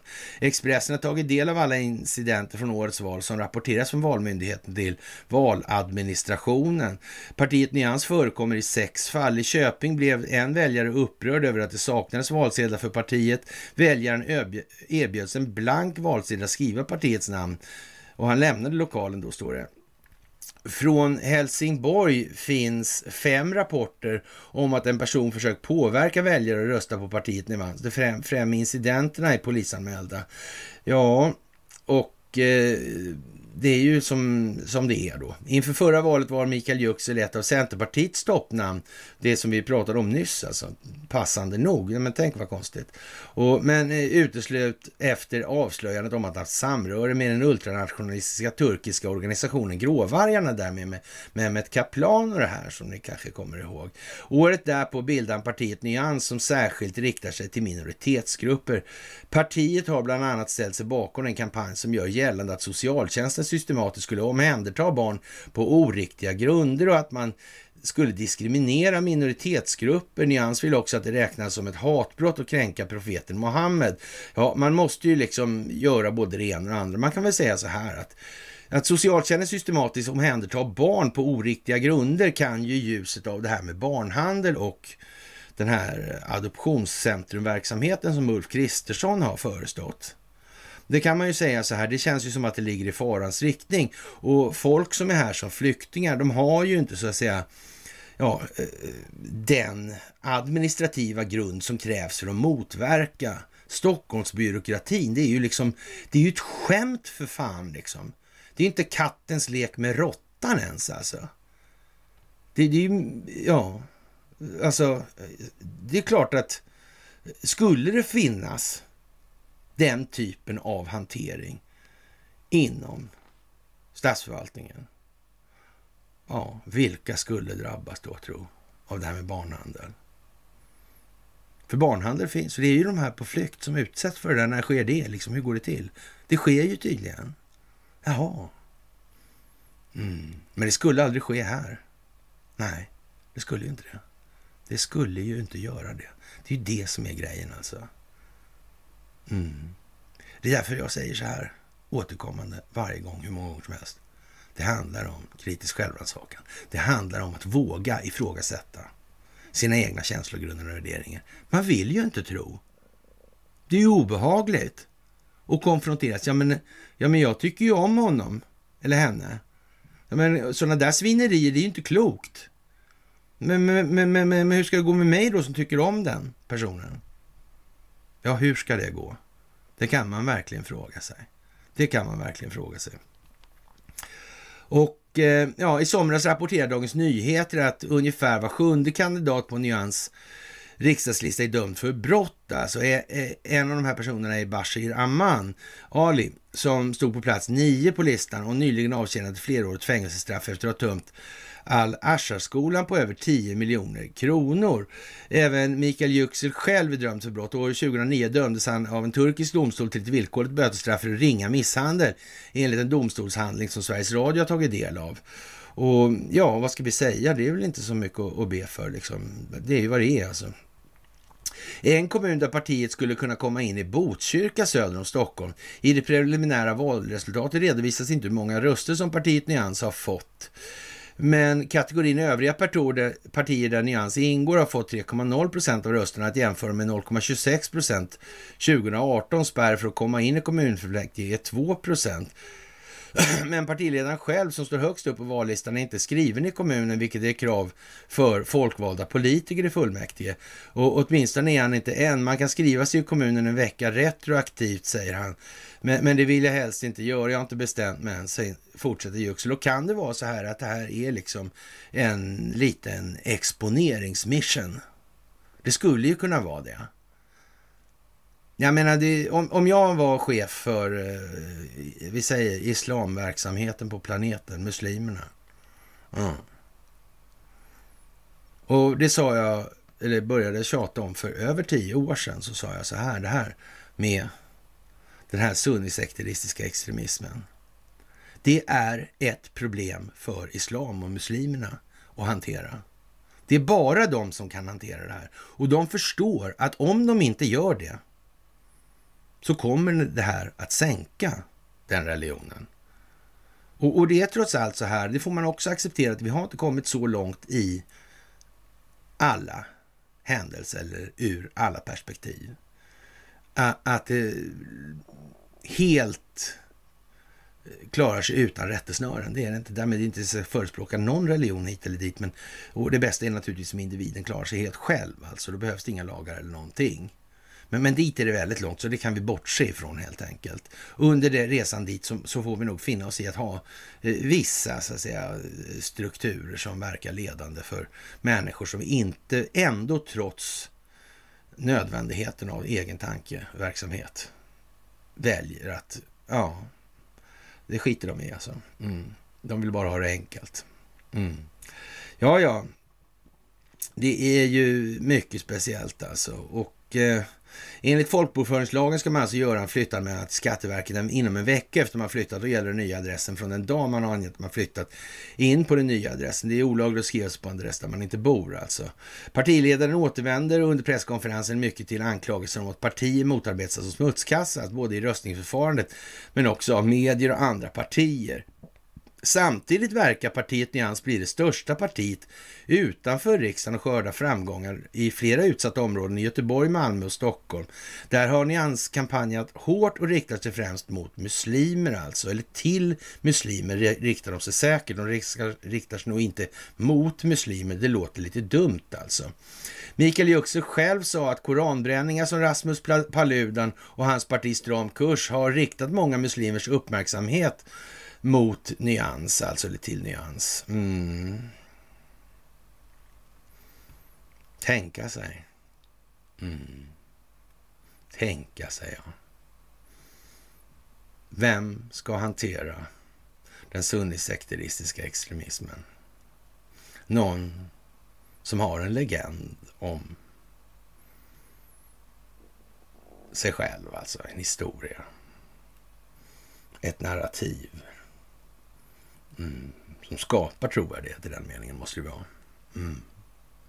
Och som sagt, det är upp till islam och muslimerna att hantera extremformer som egentligen bara är billiga kulisser för samma gamla vanliga sketna kolonialväldesintressen, alltså den djupa staten.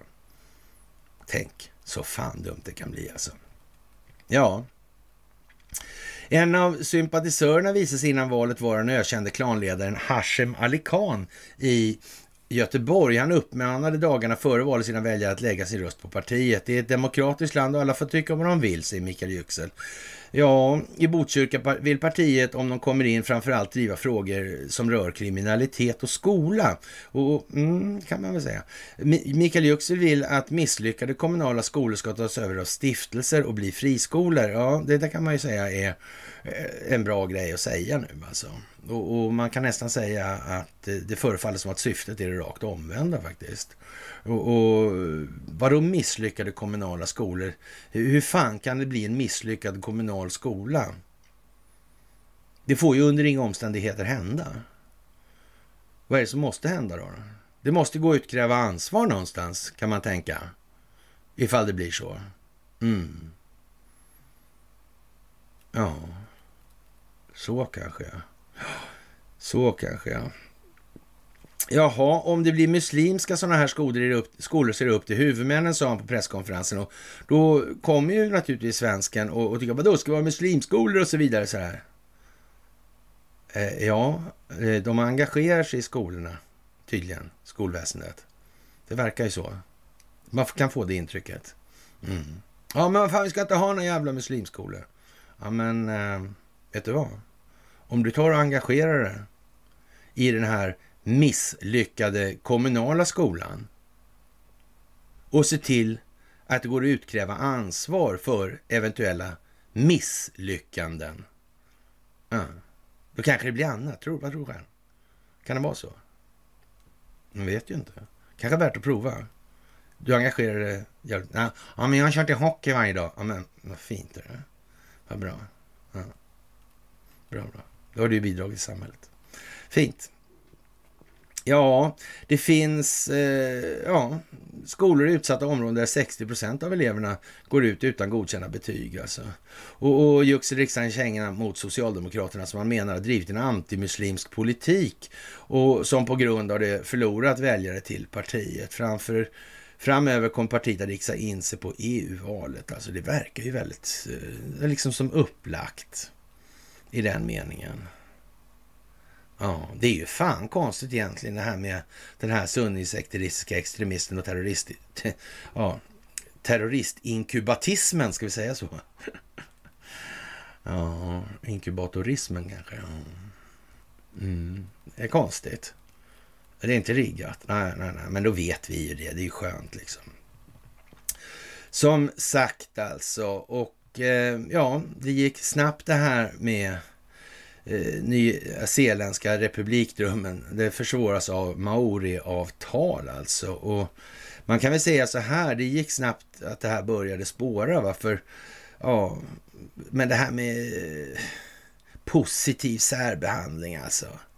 Det måste vara ett av de bi mest billiga och löjeväckande opinionsbildningstricken i världshistorien. Ta med fan, alltså minoritetslagstiftning och såna grejer. Vi har fem stycken i det här landet. Hej och hå liksom. Ja, det ska inte vara någon jävla lika behandling när de var först. Alltså. Ja, men fine, men om de nu är så, de då... Ja. Då kan man säga eh, som så att då... Ja, det allmänna är ju inte allmänt då. Ifall det andra är enskilt. Ja, inte för deras, de enskildas vidkommande i alla fall. Det borde det inte vara. Det kan inte vara både och liksom. Äta kakan och ha den kvar, det kan inte vara möjligt ens alltså. Det är, ja. Och eh, drottning Elisabeth IIs död har gett nytt liv åt debatten om att ska avskaffa monarkin på Nya Zeeland. Det här, ja, Nya Zeeland, gammal kronkoloni alltså. Five Eyes igen. Alltså. Igen, igen, igen, igen. Det verkar komma tillbaka.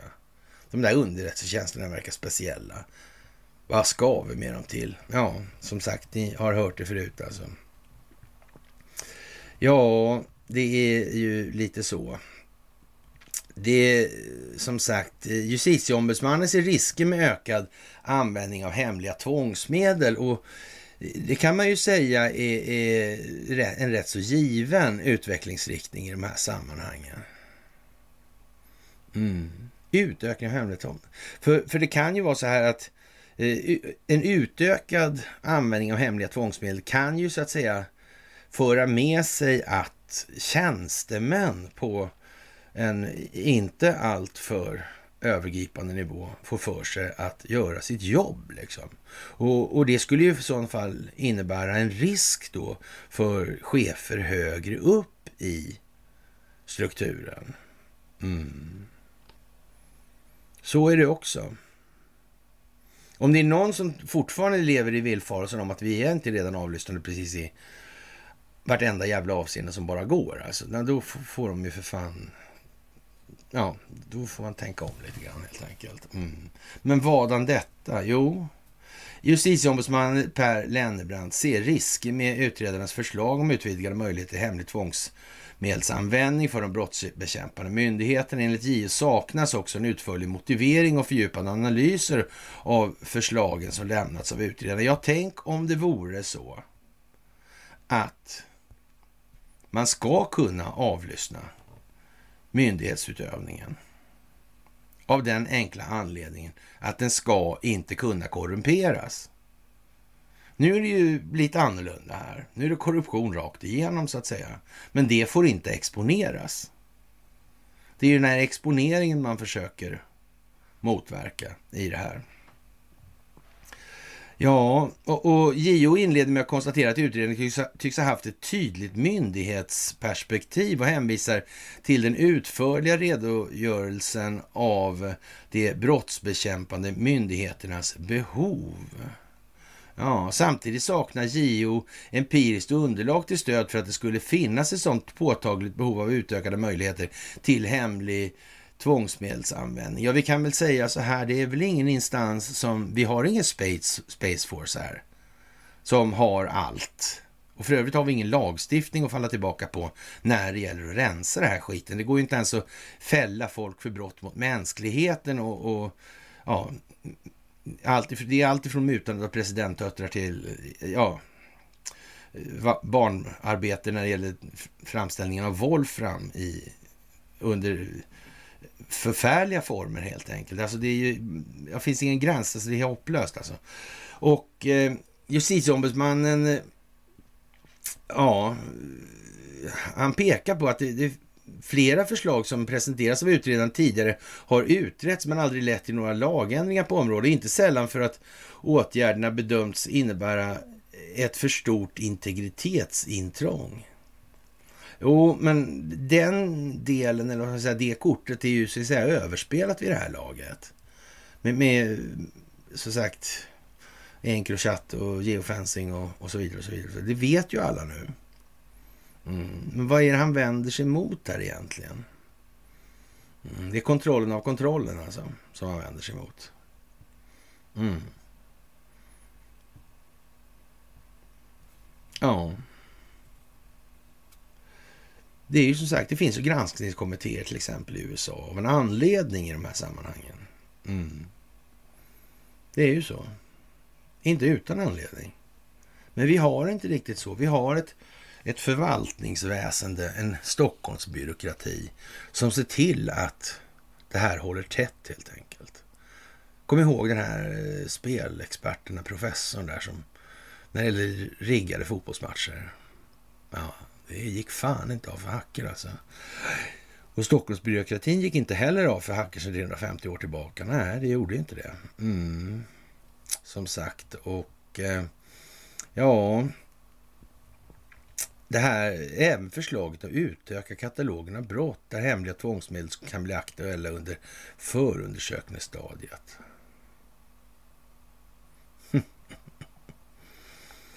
ja myndighetsmissbruk eller sådär kanske. Eller? Mm. Korruptionsbrott. Mm. Ja. Tänk om domstolarna skulle avlyssnas. Mm. Det skulle inte vara så bra. Nej, nej. Bankerna kanske. Nej. Underrättelsetjänsterna. Jaha. Ja, ja. Men det är viktigt att hålla i spakarna. Alltså. Det får inte vara någon annan som kommer åt det där. Man kan säga att det nästan eh, är, känsligt sådär. Är inte det här rätt uppenbart nu? Jo, det är det ju faktiskt. Alltså, enligt EU måste det krävas mycket starka skäl för att utöka brottskatalogerna på det här sättet. Alltså. Ja, det är ju faktiskt jättekonstigt alltså. Ja, undrar varför alltså. Mm. JO ställer sig också frågan till utredarens förslag om att åklagare ska få fatta interimistiska beslut om bland annat hemlig dataavläsning som gäller rumsavlyssningsuppgifter och tillträdestillstånd för installation av tekniska hjälpmedel i syfte att inhämta sådana uppgifter. Alltså. Ja. Mm, detta då det inte presenteras något underlag som visar hur ofta avlyssningsmöjligheter går om intet på grund av dröjsmål i tillståndsprocessen. Nej, det kanske skulle se lite dumt ut om man så att säga, när vi försökte avlyssna den här åklagaren och vi försökte avlyssna den här rådmannen och vi försökte, eh, ja, lyssna på det här justitierådet alltså. Men nej, det, det, det ja, men kanske inte ska, ja. ja. Han blev inte fälld sen, vi var helt uppenbart ja, klara på det här, men nej. Nej, som sagt. Och ja, som sagt. Eh, mm, eh, det är viktigt att lagstiftaren anlägger en helhetssyn på den frågeställning som ska behandlas. Och den här delen av rättssystemet i den här saken förefaller väl kanske ha en lite sviktande moral i den meningen att det handlar ju någonstans på sista raden om att verka för samhällets bästa i den meningen. Och nu är väl inte kanske just juridik den eh, skolbana eller vad man ska kalla det för utbildningsbana som eh, skapar de skarpaste filosoferna. Alltså de, eh, ja, om vi ska kalla det för då, emotionellt självförståelsemässigt mest utvecklade individerna. Så, det kan man nästan vara rätt så säker på faktiskt. Ja, och det här med ja, Space Force som sagt, avlyssning. Mm. Verkar ligga i tiden lite grann där nu alltså. Faktiskt. Det hände ju någonting där. Ja, det var någon, någon som twittrade lite grann om det där alltså. Mm. Det togs bort och så. Alltså konstigt alltså. Ja, det är ju lite så. Och eh, man verkar från Epoch Times sida ha ja, kommit fram till att eh, covid-19 faktiskt var tillverkad i ett labb, ungefär som vi läste från början, med här Mike Pompeo och sådär. Men, men det är ju inte så mycket att diskutera men det har inte, man har hållit på det och inte pushat det så mycket. Nej. Men nu så. Nu är det Red October snart. Ja, det är det ju. Det är det ju faktiskt. Det är speciellt får man nog säga. Och eh, mm, det går allt tyngre att komma runt allting helt enkelt. Savile, Maxwell, Epstein, bin Laden och så vidare. Samhället vittrar sönder alltså. Och eh, ja, det är ju speciellt alltså. Och, och någon arvsskatt tänker nog inte kung Charles Spaniel pröjsa helt enkelt. Och, och det är klart att Eh, det gör väl kanske att eh, i alla fall en rätt så stor del av den brittiska befolkningen tycker att det verkar vara en bra kille det där. Mm, det är nog inte... Det är läge för det helt enkelt just då. Nu alltså opinionsbildningsmässigt. Ja, det är ynkligt helt enkelt. Och något annat som är ynkligt är Alexandra Pascalido. Hon kom på sig själv med att reflexmässigt rensa bokhyllor och garderober, stapla saker på myrorna och tömma skåpen på ålderstigna kryddor och packa väskor. Dottern frågar, ska vi flytta? Flykten sitter i benmärgen, säger benmärgen, säger jag. Eller tänker jag. Och så tänker jag på alla de som saknar flyktvägar då, tänker hon på. Och ja, vi kan väl bara säga så här, hon dansar en sommar. Något annat har det aldrig varit frågan om. Nej, och eh, ja, om det är skrattretande eller sorgligt eller hur man nu väljer att bedöma det.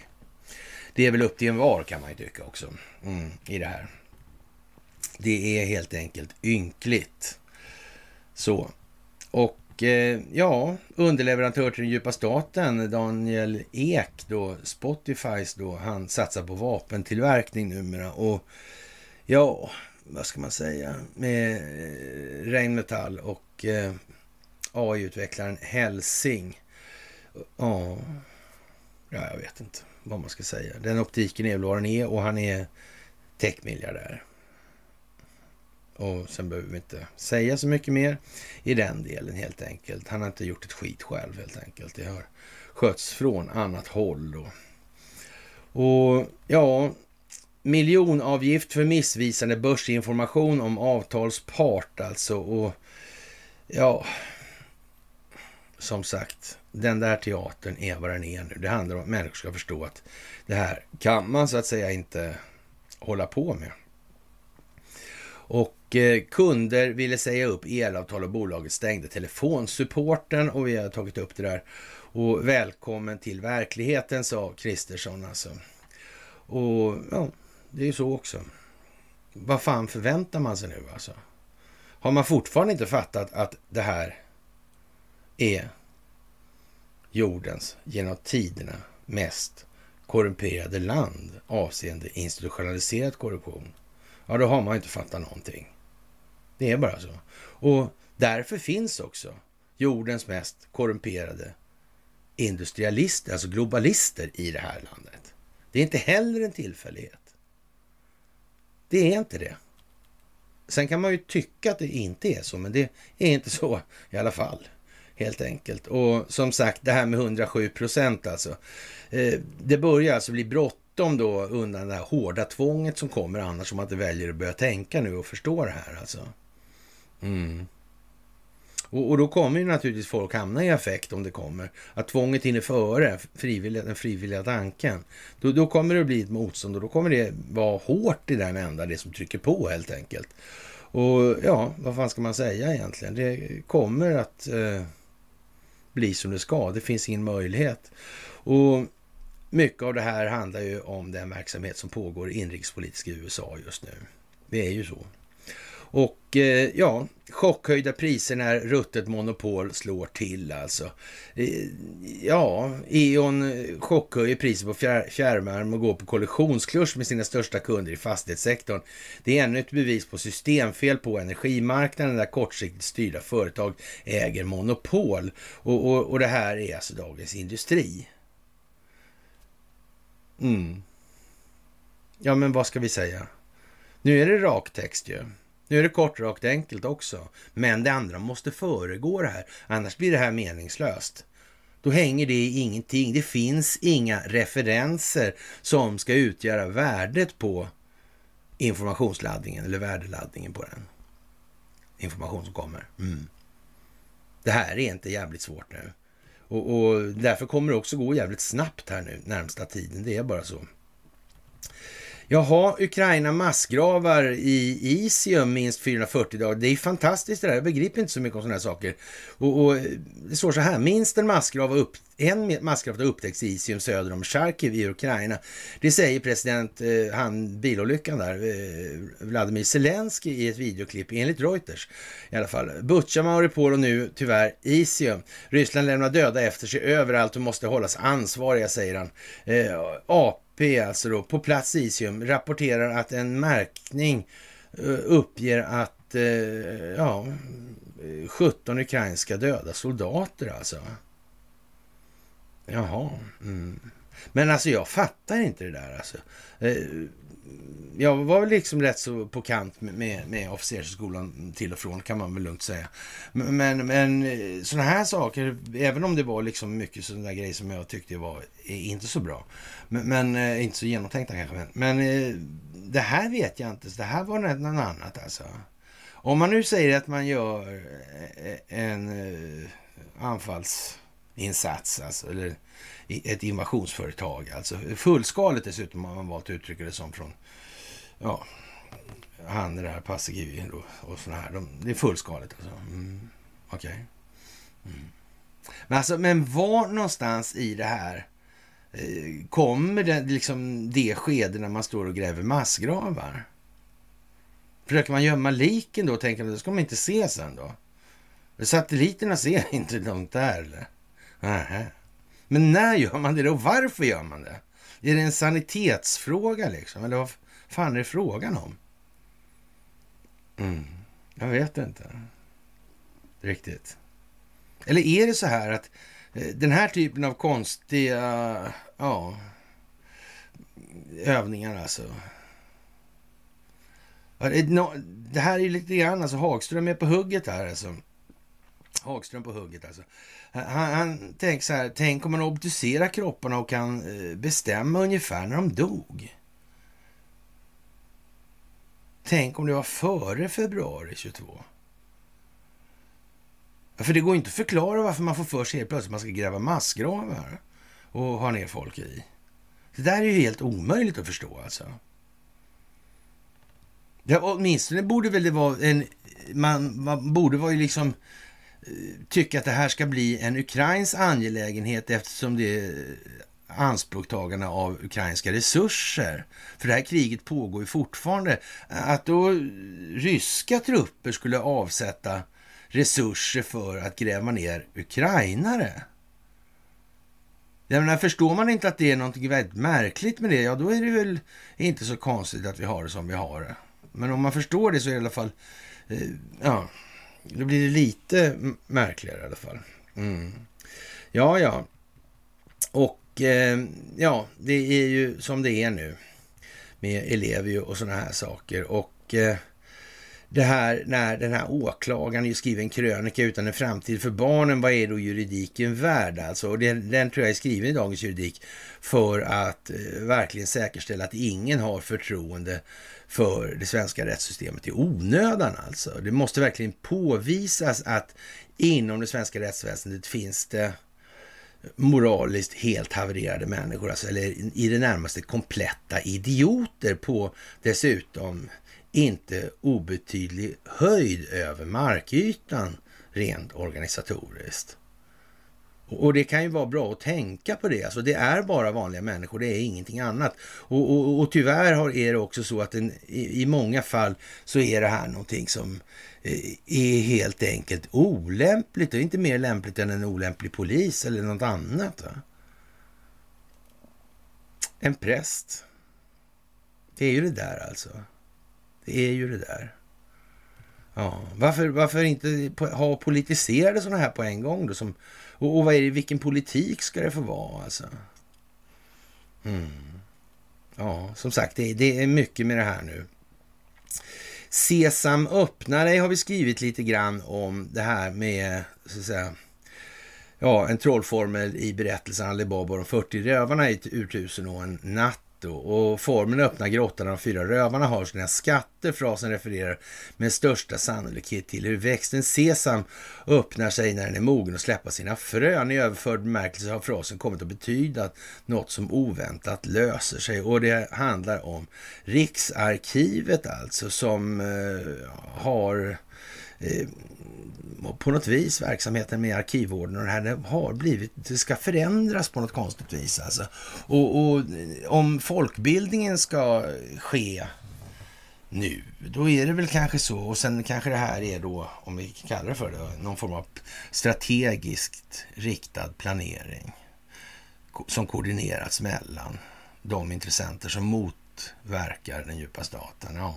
Vem gör det här bättre än den svenska befolkningen själv?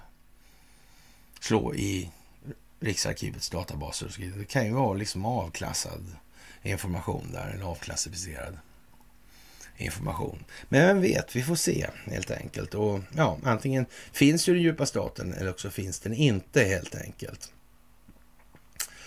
Ja, det är som det är. Det är precis som att den djupa staten borde tvingad och tvinga Turkiet att agera på ett sätt som skadar den djupa staten. Tänk så det kan bli alltså. Det är ju undligt alltså. Och ja, det här med mänskliga faktorn. Vad är det för någonting? Det här med Ringhals där som, ja, eh, en felaktig driftläggning alltså. Eh, har en med förberedelse otur. Vad är det för någonting? Ja, tur det är en omständighet kommer till förberedelse alltså. Mm. Vad är otur för någonting då? Alltså det kanske är otur det där med mänskliga faktorn då. Och, och, och vem vill vad med vilket syfte och varför? Det är inte så svårt det här egentligen. Bryt i orden alltså och tänk. Ja, det kan man ju tänka på i de här sammanhangen. Och eh, Reine Evensson har skrivit en lång drapa med som ett pedagogiskt exempel och, det kan man eh, så att säga studera effekterna av. Och, och det här är en diskussion som pågår då eh, någon, på någon plats då sådär uppe i cyberrymden. Och eh, man, man, får nog säga så här, det, det är jättebra text och så alltså. Mm. Men det är som sagt till att anstränga sig nu alltså. Det är det. Det är inte bara att tycka det är för jobbigt att läsa. Tänk om det är viktigt. Tänk om det är viktigt. Mm. Och, och, därför så läste jag den här artikeln i början här med Mike Pompeo istället för att,